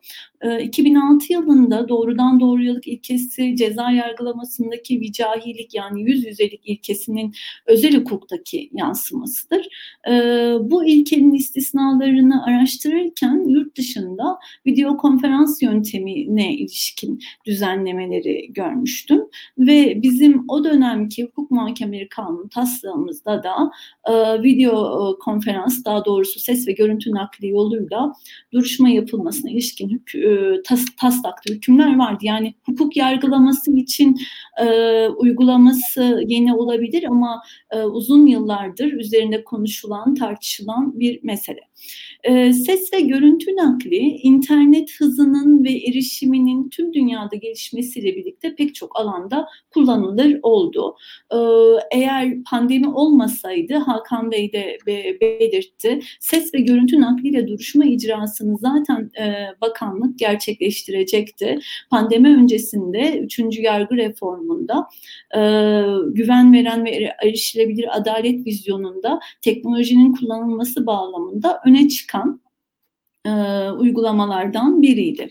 Şimdi e, biz yargılama hukukçuları tutuculuğumuzla ve şekilciliğimizle e, ön plandayızdır. Ancak teknolojik değişime de kayıtsız kalmak mümkün değil. E, bu çerçevede teknolojinin yargıda etkin ve verimli kullanımı adına e, yargı reformunda e, benimsenmiş bir e, düzenleme e, elektronik ortamda duruşma yapılması veya mevzuattaki adıyla ses ve görüntü nakli yöntemiyle duruşma yapılması. Evet 7251 sayılı kanunla e, hukuk muhakemeleri kanunu 149. maddesinde önemli değişiklikler yapıldı. Bu değişiklik e, daha evvelki düzenlemeye nazaran e, kullanımı yaygınlaştırmayı hedeflemekte. Hakan Bey de belirtti. Önceki düzenlemede her iki tarafın da rızasıyla ses ve görüntü nakli yöntemiyle duruşma yapılabilmekteydi. Yeni düzenlemede e, taraflardan birinin talebi e, ile e, hakim kabul ederse mümkün hale gelecek. Tabii hakimin kabul etmesinde e, Erdal Hocam'ın da belirttiği gibi gerekçe büyük önem taşıyor yeni düzenleme hakime e, tarafların e, üzerinde serbestçe tasarruf edemediği e, soybağına ilişkin davalar gibi davalarda hakimin resens e, ses ve görüntü nakli yöntemiyle duruşma yapılabilmesi e, kararı alabilmesine imkan tanımakta. Şimdi e, ceza yargılamasında çok etkin bir şekilde 2011 2000, 2011 yılında mevzuatla beraber hatırladığım kadarıyla etkin kullanım 2013 yılı olması lazım. E, etkin bir şekilde kullanılıyor. E, 2017 tarihli bir raporda gördüğüm kadarıyla e, pek çok e, adliyede SEKBİS e, sistemi kurulmuş durumda. E, ceza infaz kurumlarında da kurulmuş durumda. SEKBİS e, teknik altyapısı oldukça sağlam ve dünyadaki örneklerine baktığımızda mahkeme teşkilatına bu kadar yaygın bir şekilde kullanılması adına Türkiye öncü konumda. Ama hangi alanda? Ceza yargısı. Hukuk yargısına baktığımızda ise hukuk yargısındaki teknik altyapının henüz tam olarak oluşmadığını e, görmekteyiz zaman içerisinde bu teknik altyapının bir gelişmesiyle birlikte e, tüm Türkiye'de kullanılır hale gelecek. Şimdi HMK'nın 149. maddesindeki düzenlemenin ceza yargılamasından e, temel farklarından biri e, taraf, taraf vekili, bilirkişi, tanık, uzman gibi yargılamaya katılan kişilerin bulundukları yerden yargılamaya katılabilmelerine imkan verilmesi. E, bulundukları yer teriminin kullanılması HMK'da ses ve görüntü nakline çok geniş bir imkan sunmakta. Zira e, ceza yargısında sekbisin kurulu olduğu ortamlardan katılınabilir iken bulundukları yerden ifadesi kullanıldığından e, hukuk yargılamasında e, çok çok daha geniş kullanılabilme imkanı var. Evet neler söyleyebiliriz bunun dışında? Hukuk yargılamasında oldukça geniş e, kullanılabilecek e, e-duruşma UYAP sisteminden kullanılabiliyor.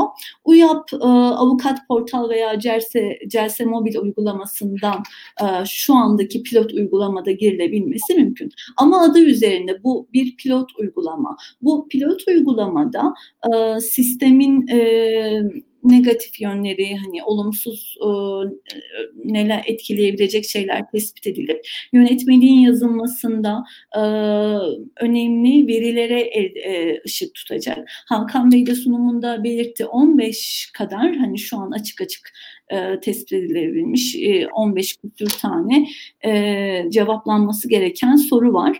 E, bunların hepsine bir cevap zaman içerisinde bulunacak ve o çerçevede yönetmeliği bakanlık yazacak. Merakla bekliyoruz biz de. E, şimdi e, fiziki ortamda yapılan bir duruşmanın parçası aslında e, elektronik duruşma. Bu bağlamda elektronik duruşmaya katılanların fiziki ortamda yapılan duruşmada geçerli olan kurallara harfiyen uyması gerekmekte. Ee, ay, ayrı bir duruşma değil. E, fiziki ortamda bir duruşma açılıyor. Fiziki ortamda açılan bu duruşmaya kanunda belirtilen kim, kimseler e, online bir şekilde ya da çevrim içi bir şekilde e, kat, e, katılabilecekler. Ses ve görüntü nakli yoluyla eş zamanlı katılım sağlanacak. Eş zamanlı katılımın anlamı ne? E, daha evvelden kaydedilmiş bir e, ses ve görüntünün e, duruşma salonuna verilmesi değil ne gerekli? E, aynı anda ses ve görüntü nakli gerekiyor. Tabi arada saniyelik farklar teknik donanım internet açısından söz konusu olabilir ancak e, kayıt değil e, eş zamanlılık e, zorunlu unsuru elektronik ortamda duruşma yapılabilmesi için.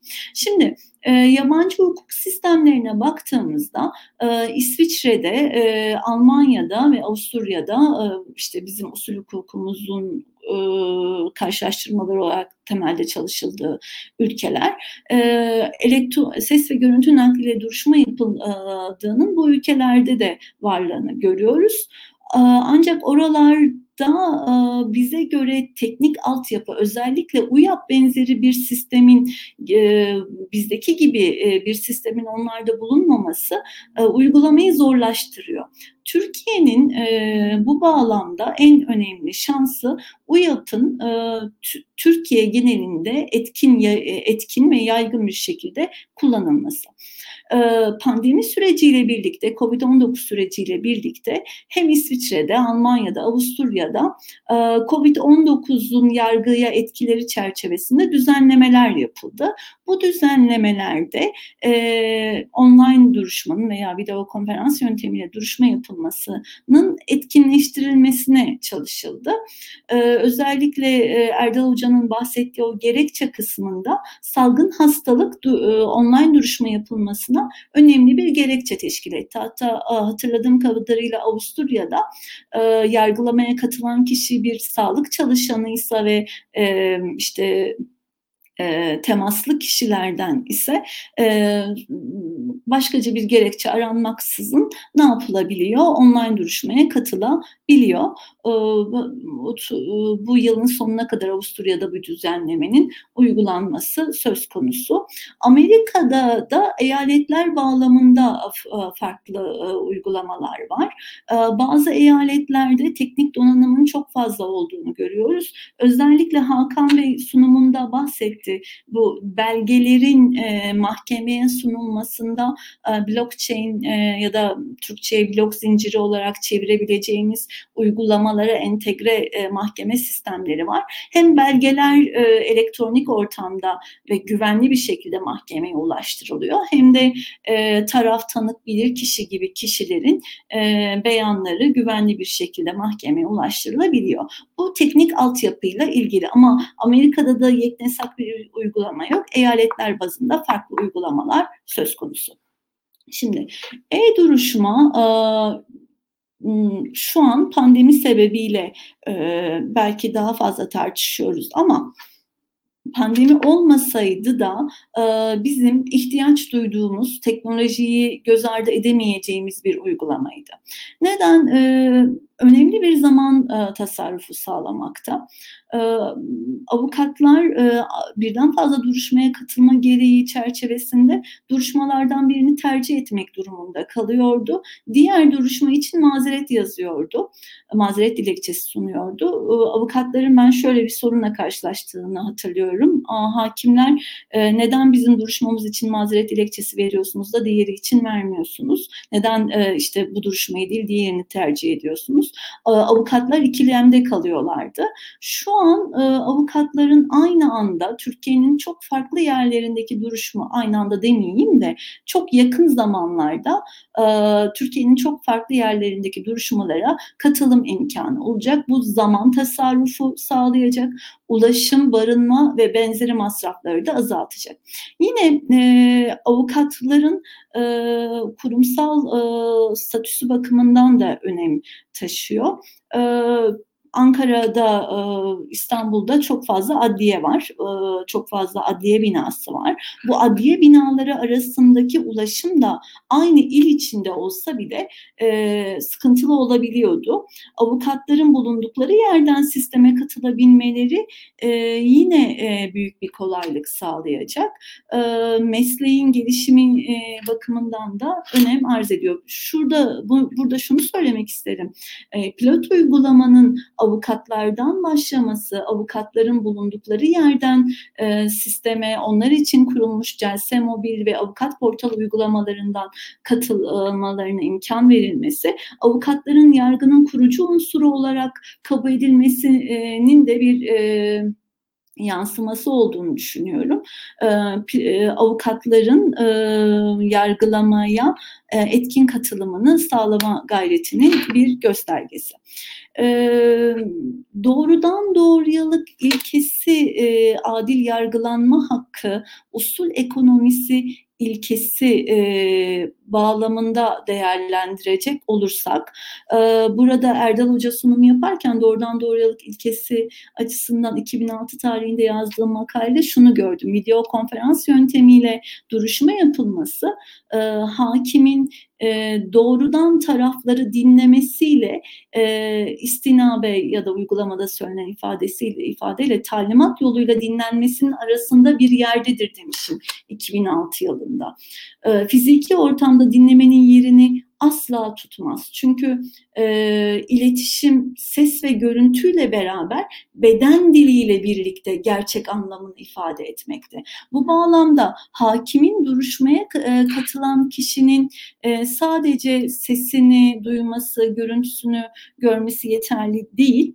E, bir bütün olarak e, vücudunu görmesi, e, bütün bedeni görmesi gerekiyor. Özellikle eller e, çok önem taşıyor. Zira e, işte elin açık olması, kapalı olması, e, ellerini saklaması, ifade verenin e, doğruyu söyleyip söylemediği e, bağlamında önemli bir gösterge. E, bu bağlamda e, şu an örneğin biz bu çalışmayı yaparken e, sadece üstümüz görünüyor. Büst benzeri bir görüntü e, kullanıyoruz.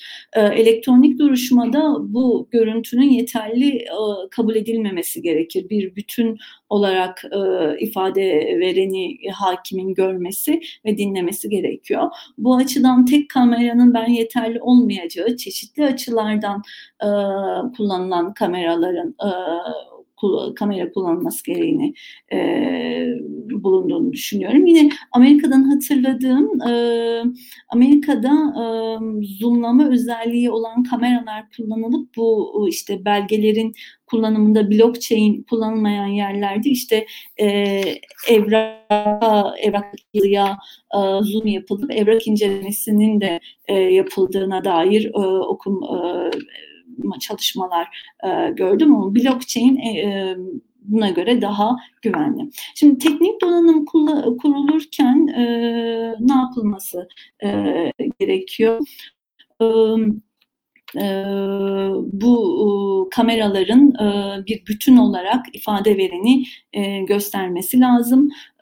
Yine teknik donanımın sadece mahkemede değil ilgili kişinin dinlendiği yerde de bulunması gerekiyor. Eğer eksik te- teknik donanım varsa e, bu vakit kaybına yol açacak. Yine e, gerçeğin ortaya çıkartılmasını e, zorlaştıracak. Ee, yine e, e, Erdal Hoca bahsetti. Duruşmaya katılma hakkı bakımından Anayasa Mahkemesi'nin verdiği kararlar önemli. E, bizim usul hukukunda her ne kadar e, yazılı yargılama usulü varsa da yargılama aşamalarından biri sözlü yargılamadır. Duruşmaya katılma hakkının bir sınırlandırılmasıdır elektronik duruşma. Bu bağlamda e, duruşmaya katılma hakkını sınırlandıran e, bu uygulamanın e, gerekçelerinin huk, e, hukuka uygunluk denetimi sağlayacak şekilde kaleme alınması gerekiyor. E, HMK 149'daki e, düzenleme oldukça genel bir düzenleme. E, bu bağlamda yönetmelik oldukça e, yol gösterici olacak e, ses ve görüntü nakli yoluyla duruşma icrasında e, duruşmadaki kuralların geçerli olduğunu söylemiştim. Bu bağlamda ses ve görüntü kaydı e, yapılamaz. Yani duruşmaya katılan kişi bulunduğu yerde duruşmayı ya da kendi söylemlerini kaydedemez. Kaydederse e, bunun Hukuk Muhakeme Kanunu 153. ve Türk Ceza Kanunu 286. maddeleri uyarınca bir suç fiili teşkil ettiğini söylemek gerekir. E, bunun dışında e, sistemin e, getireceği riskleri hep e, düşündüm bugün. E, bu sistemi taraflar az sayıda da olsa bilinçli olarak manipüle edebilirler. Örneğin internet bağlantısının kesildiğini söyleyip duruşmanın uzatılması söz konusu olabilir. E, benim işte sınavlarda, online sınavlarda yaptığımız kadarıyla görebildiğim bildiğim kadarıyla internet bağlantısındaki kopuklukları e, sistemden tespit edebiliyoruz. E, belki elektrik kesintisinde e, sıkıntı olabiliyor ama e, yönetmelikle e, konulması e, ceza yaptırımı kullanamaz yönetmelikle ama e, bu tür e, işte e, manipülasyonlara karşı bir belki kanun değişikliği yapılabilir. E, yargılamayı uzatma amacıyla teknik sistemin manipüle edilmesini e, bertaraf edecek düzenlemeler yapılması gereği var. E, elektronik ortamda duruşma yapılmasında e, karşılaşacağımız en büyük güçlük kimlik tespitinde yaşanabilir. Şimdi ceza yargılamasında SEKBİS'te bir Adalet e, Bakanlığı görevlisi resmi bir memur kimlik tespiti gerçekleştirmekte. İşte yazı kalem görevlisi ya da infaz müdürlüğü ya da işte duruma göre e, hakim, savcı kimlik tespitini gerçekleştiriyor. Hukuk yargılamasındaki düzenleme ise bulunduğu yer dediği için kimlik tespitinin yapılmasında güçlük bulunmakta. Bu bağlamda benim çözüm önerim e, adliyelerde e, e, online duruşmalar için e, odalar, e, birimler oluşturulması, avukatlar için barolar e, bir oda odalar hazırlayabilir büyük büyük adliyelerde. Tanık, bilir kişi, uzman ya da taraf gibi kişiler bakımından ise bunların özellikle tanıkların bir, bir arada dinlenmemesi gerekiyor. Bir takım e, usulü kurallar var. Bu kurallara uyacak şekilde adliyelerde e, online duruşma odalarının oluşturulması hem e, bir takım manipülasyonlara hem de kimlik tespitindeki güçlüklere karşı önemli bir çözüm olarak karşımıza çıkar. E, adliyeye e, işte taraf geldik gel, gel, geldiyse hani ne anlamı kalacak e, denilebilir ama e, çok kalabalık duruşmalar oluyor. Yine de e, adliyedeki kalabalığı ben engelleyeceği kanaatindeyim. Avukatlar belki ofislerinden olabilir çünkü onların güvenli elektronik imzaları var. Sisteme girişleri bakımından e, işte teknik e, bir takım e, düzenlemeler sağlanabilir ama e, avukat olmayan, UYAP sistemini kullanmayan vatandaşlar ya da vatan, yabancı kişiler bakımından e, kimlik tespitinin güçlüğün aşılmasında resmi makamın katılımının ben gerekli olduğu kanaatindeyim. E, yine e, bir başka husus da avukatların özellikle bürolarından katılmaları durumunda e, beyanlarının her türlü etki ve baskıdan uzak bir e, şekilde e, özgür iradeleriyle beyan verdiklerinden emin olunması gerekiyor. Aksi halde e, yargılamanın selameti ve duruşma düzeni bakımından sıkıntılar ortaya çıkacaktır. İşte örneğin diğer davayı kabul eden bir avukat ben bunu tehdit bu beyan tehdit altında verdim diyebilir sonrasında. Ee, hani sistemle ilgili riskleri biz çok daha fazla düşünüyoruz. Belki e, iyi niyet asıl ama biz hep e, kötü niyetli insanlara karşı e, mevzuat yaptığımız için.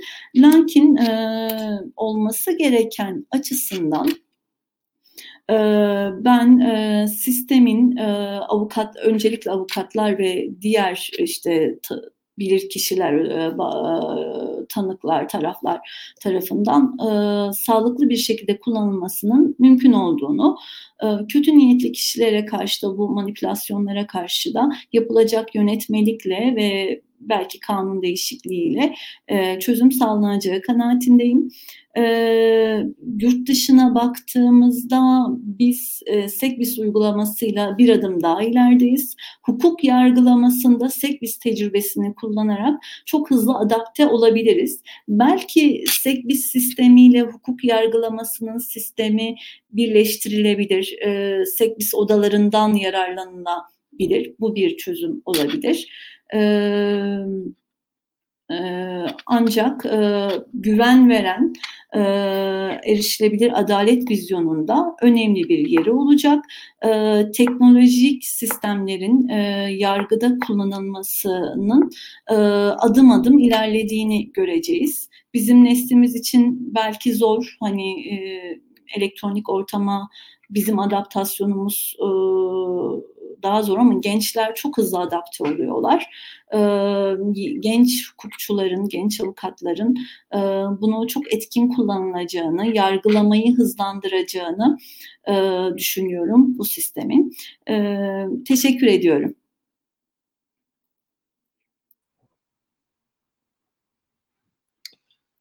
Biz teşekkür ediyoruz hocam katkılarınız için. E, Nesibe hocamız da e, hem vicahilik, yüz yüzelik hem de doğrudan doğruyalık ilkesi açısından e-duruşma yöntemine ilişkin bir takım değerlendirmeler yaptı.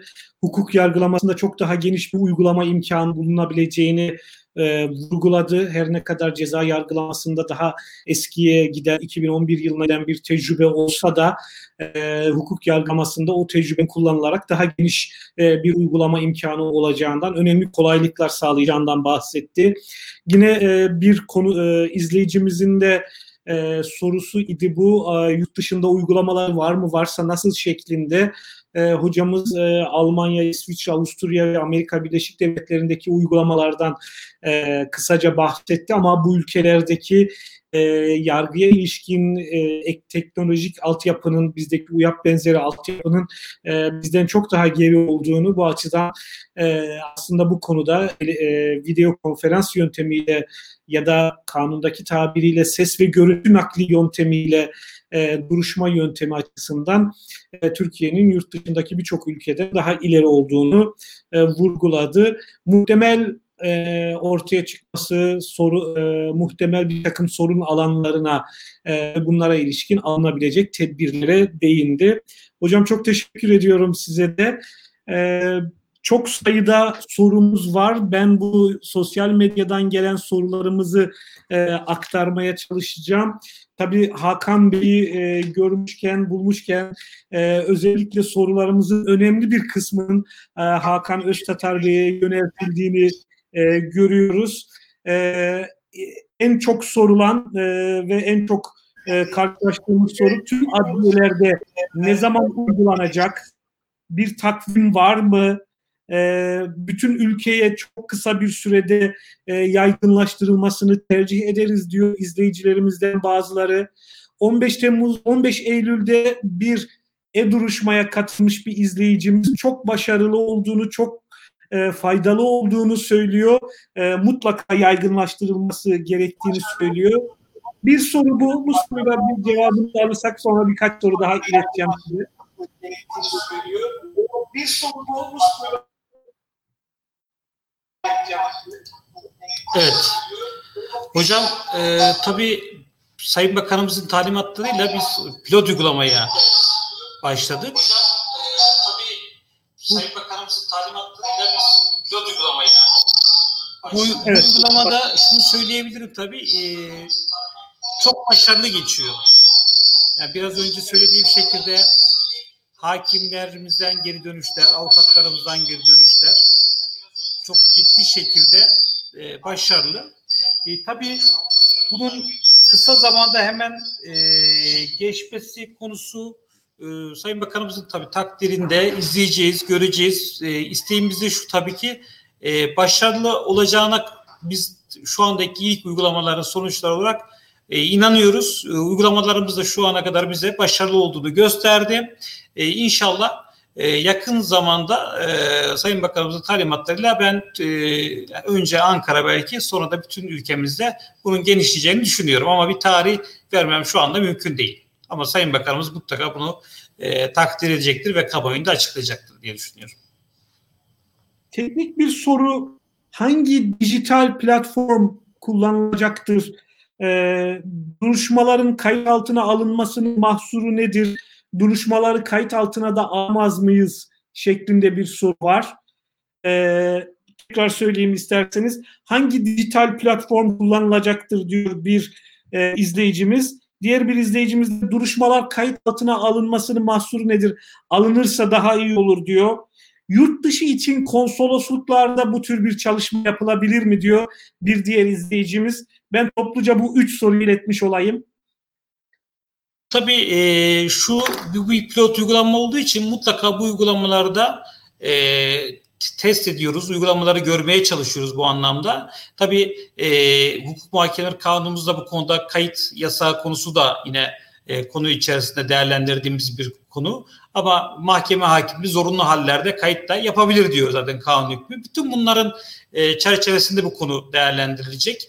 E, bunlara girip girmediği konusunda. Tabii e, baktığımız zaman yurt dışındaki e, konsolosluklarda da bu uygulamanın yapılması belki yurt dışındaki vatandaşlarımız için de güzel bir uygulama olabilir ama dediğim gibi çok daha bu işin başındayız. Daha yeni pilot uygulamadayız. İnşallah ben bu kadar olumlu geçen uygulamanın çok e, yakın zaman için e, güzel müjdeler vereceğini düşünüyorum Cem Hocam.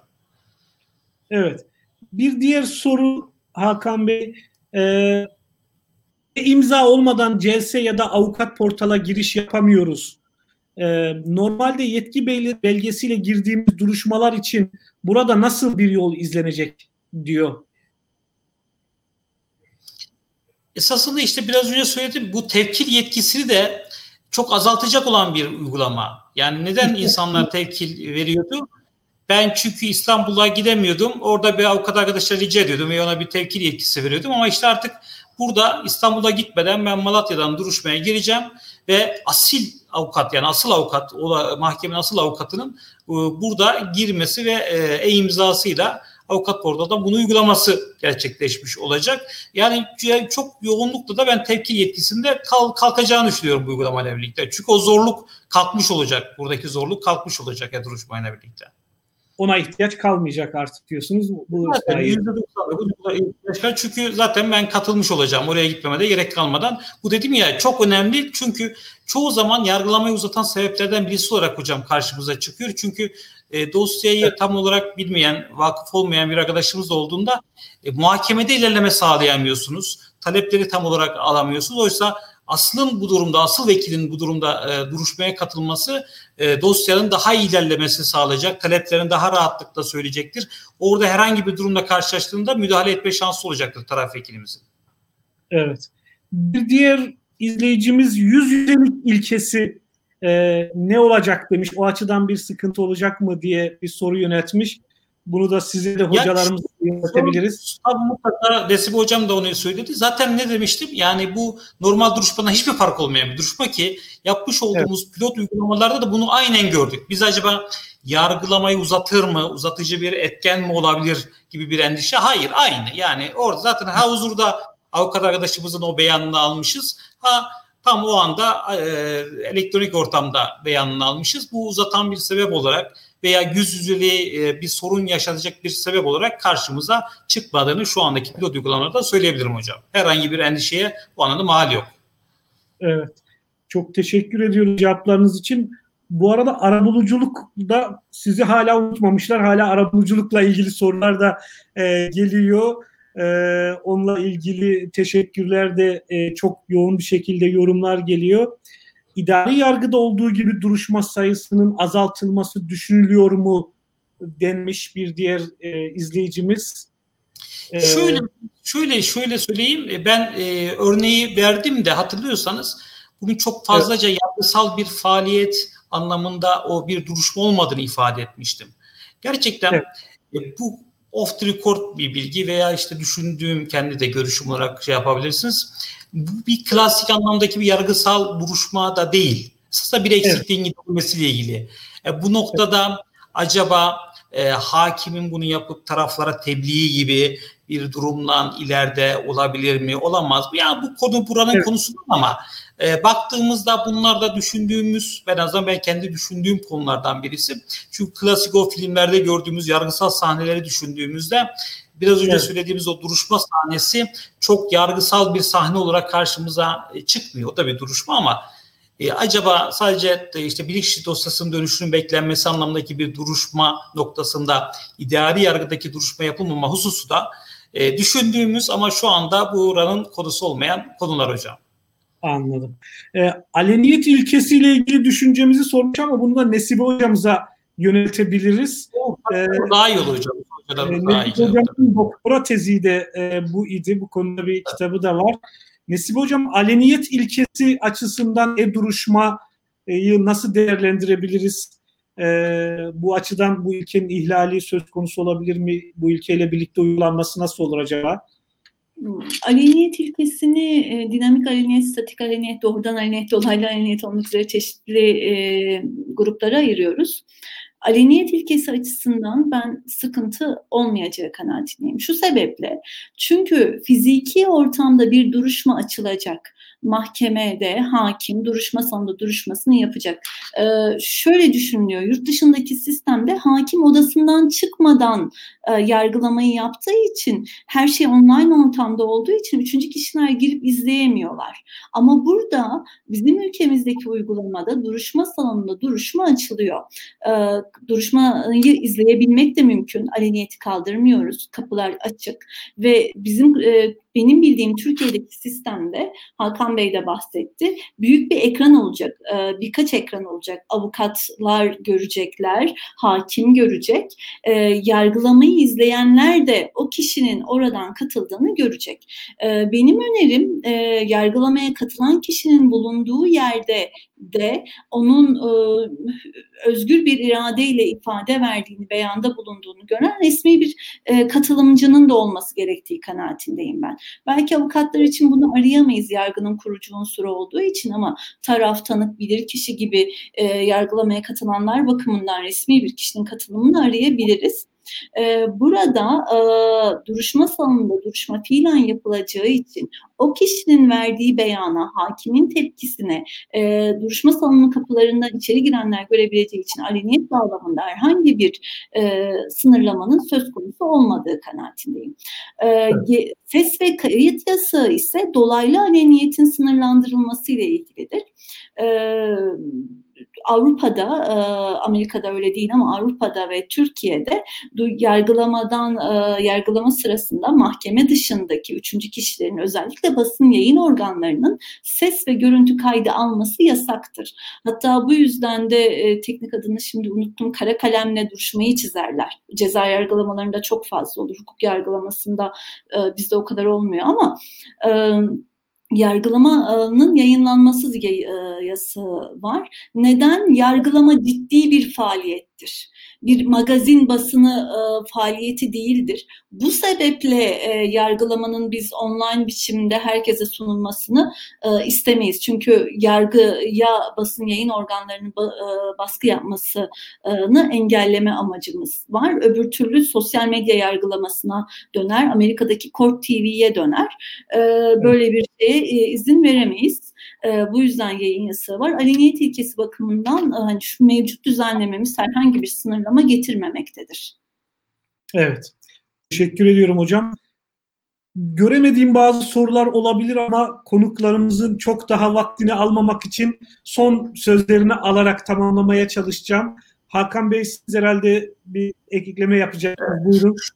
Şöyle hocam 2013 yılında İsveç'e bir e, çalışma ziyareti gerçekleştirdiğimizde mahkeme yönetim projesi kapsamında zaten e, orada katip sisteminin ta 2013 yılında kaldırılmıştı bütün duruşmalar kayıt altına alacak bir kamera sistemiyle izleniyordu ve onlar kayıt altına alınıyordu. Yani ve mahkeme hakimi sadece küçük küçük notlar alıyordu. Hiçbir şey yazmak zorunda değil ve hakim çok rahat bir yargılama yapıyor. Buyurun siz konuşun, buyurun siz konuşun. Sadece o mahkemenin yönetimiyle ilgili bir e, görevi vardı ve gerçekten böyle benim de özendiğim gerçekten yargısal olarak baktım ne kadar güzel. Çünkü biz çoğu zaman hakimler olarak işte 8 saat duruşma yaptıysak 4 saatini tarafların söylediklerini özellikle cezada yargılanmadan yeniden duruşma zabıtlarına geçmesiyle yapıyorduk. Yani orada kayıt sisteminde hiçbir sorun yoktu. Yine e, geçen yıl itibariyle Londra'ya gidip duruşma izlediğimizde de Nesibe Hocam'ın dediği gibi oradan da cezaevinden bir katılım e, vardı.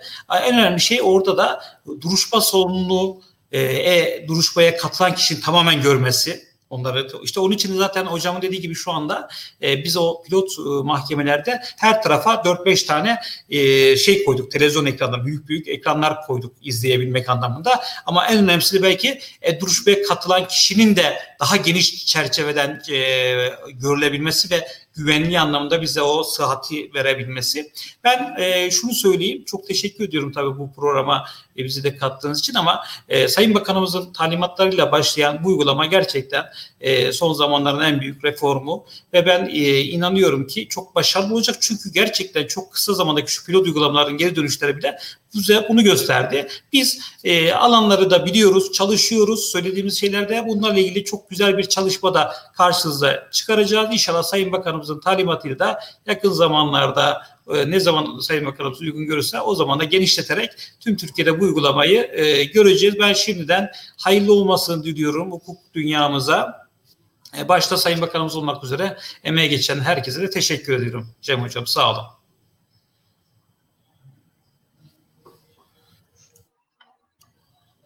Mikrofon. Biz teşekkür ediyoruz Hasan Bey. Ee, Erdal Hocam e, bu sorularla ilgili sizin de ekleyeceğiniz Yok bir arkadaşımız sonuç... e, Hakan Hocam'a sorduğu soruda e-imza Tabii. neden mecburi yetki verilmesi demişti. E-imza çünkü artık bizim fiziğimizin yerine geçiyor. Yani fizik olarak varlığımızın yerine geçiyor orada. Yetki evet. belgesini gönderdiğinde kendisi de gittiği için arkadaşımız yetki Doğru. E, nasıl kendisi gidiyorsa e-imzanın da orada olması gerekiyor. Onu ekleyecektim. Çok teşekkür ediyorum. Ee, çok e, faydalandım bunu söyleyeyim. İstifade ettim. Ee, herkese saygılar sunuyorum. Ee, Nesip Hocama, Hakan Hocama. Size herkese bu imkanı verdiğiniz için çok çok teşekkürler. Ben teşekkür ediyorum. Her üç konuşmacımıza da çok teşekkür ediyorum. E, ağızlarınıza sağlık. İzleyicilerimize çok teşekkür ediyorum. Biraz önce belirttiğim gibi son haftalarda yaptığımız e, web panellerin ortalamasının neredeyse 4-5 katı bir canlı yayın izleyicisi oldu. Çok e, olumlu yorumlar ve çok sayıda soru geldi. E, konuklarımızın e, bu kadar ilgi çekmesinden dolayı çok teşekkür ediyorum. Şimdi e, Hakan Hocam Hakan Hocam evet. e, arabuluculuktan dolayı ben de uzlaştırmadan dolayı epey bir e, şey olan sosyal medya çevresi olan kişileriz. Konuşmacılarımızdı. Evet, Nasip hocamı bilmiyorum kusura bakmayın hocam sizi katlamış oldum. Evet evet Nesip Hocam'ın da e, yıllardır öğrencileri e, ilgiyle izliyorlar programlarımızda. Ben e, izleyicilerimize de çok teşekkür ediyorum. E, önümüzdeki günlerde bu ve benzeri konularda web panellerimiz devam edecek. Bizi izlemeye devam edin diyorum. Herkese teşekkür ediyorum. İyi akşamlar diliyorum. İyi akşamlar. İyi akşamlar hocam.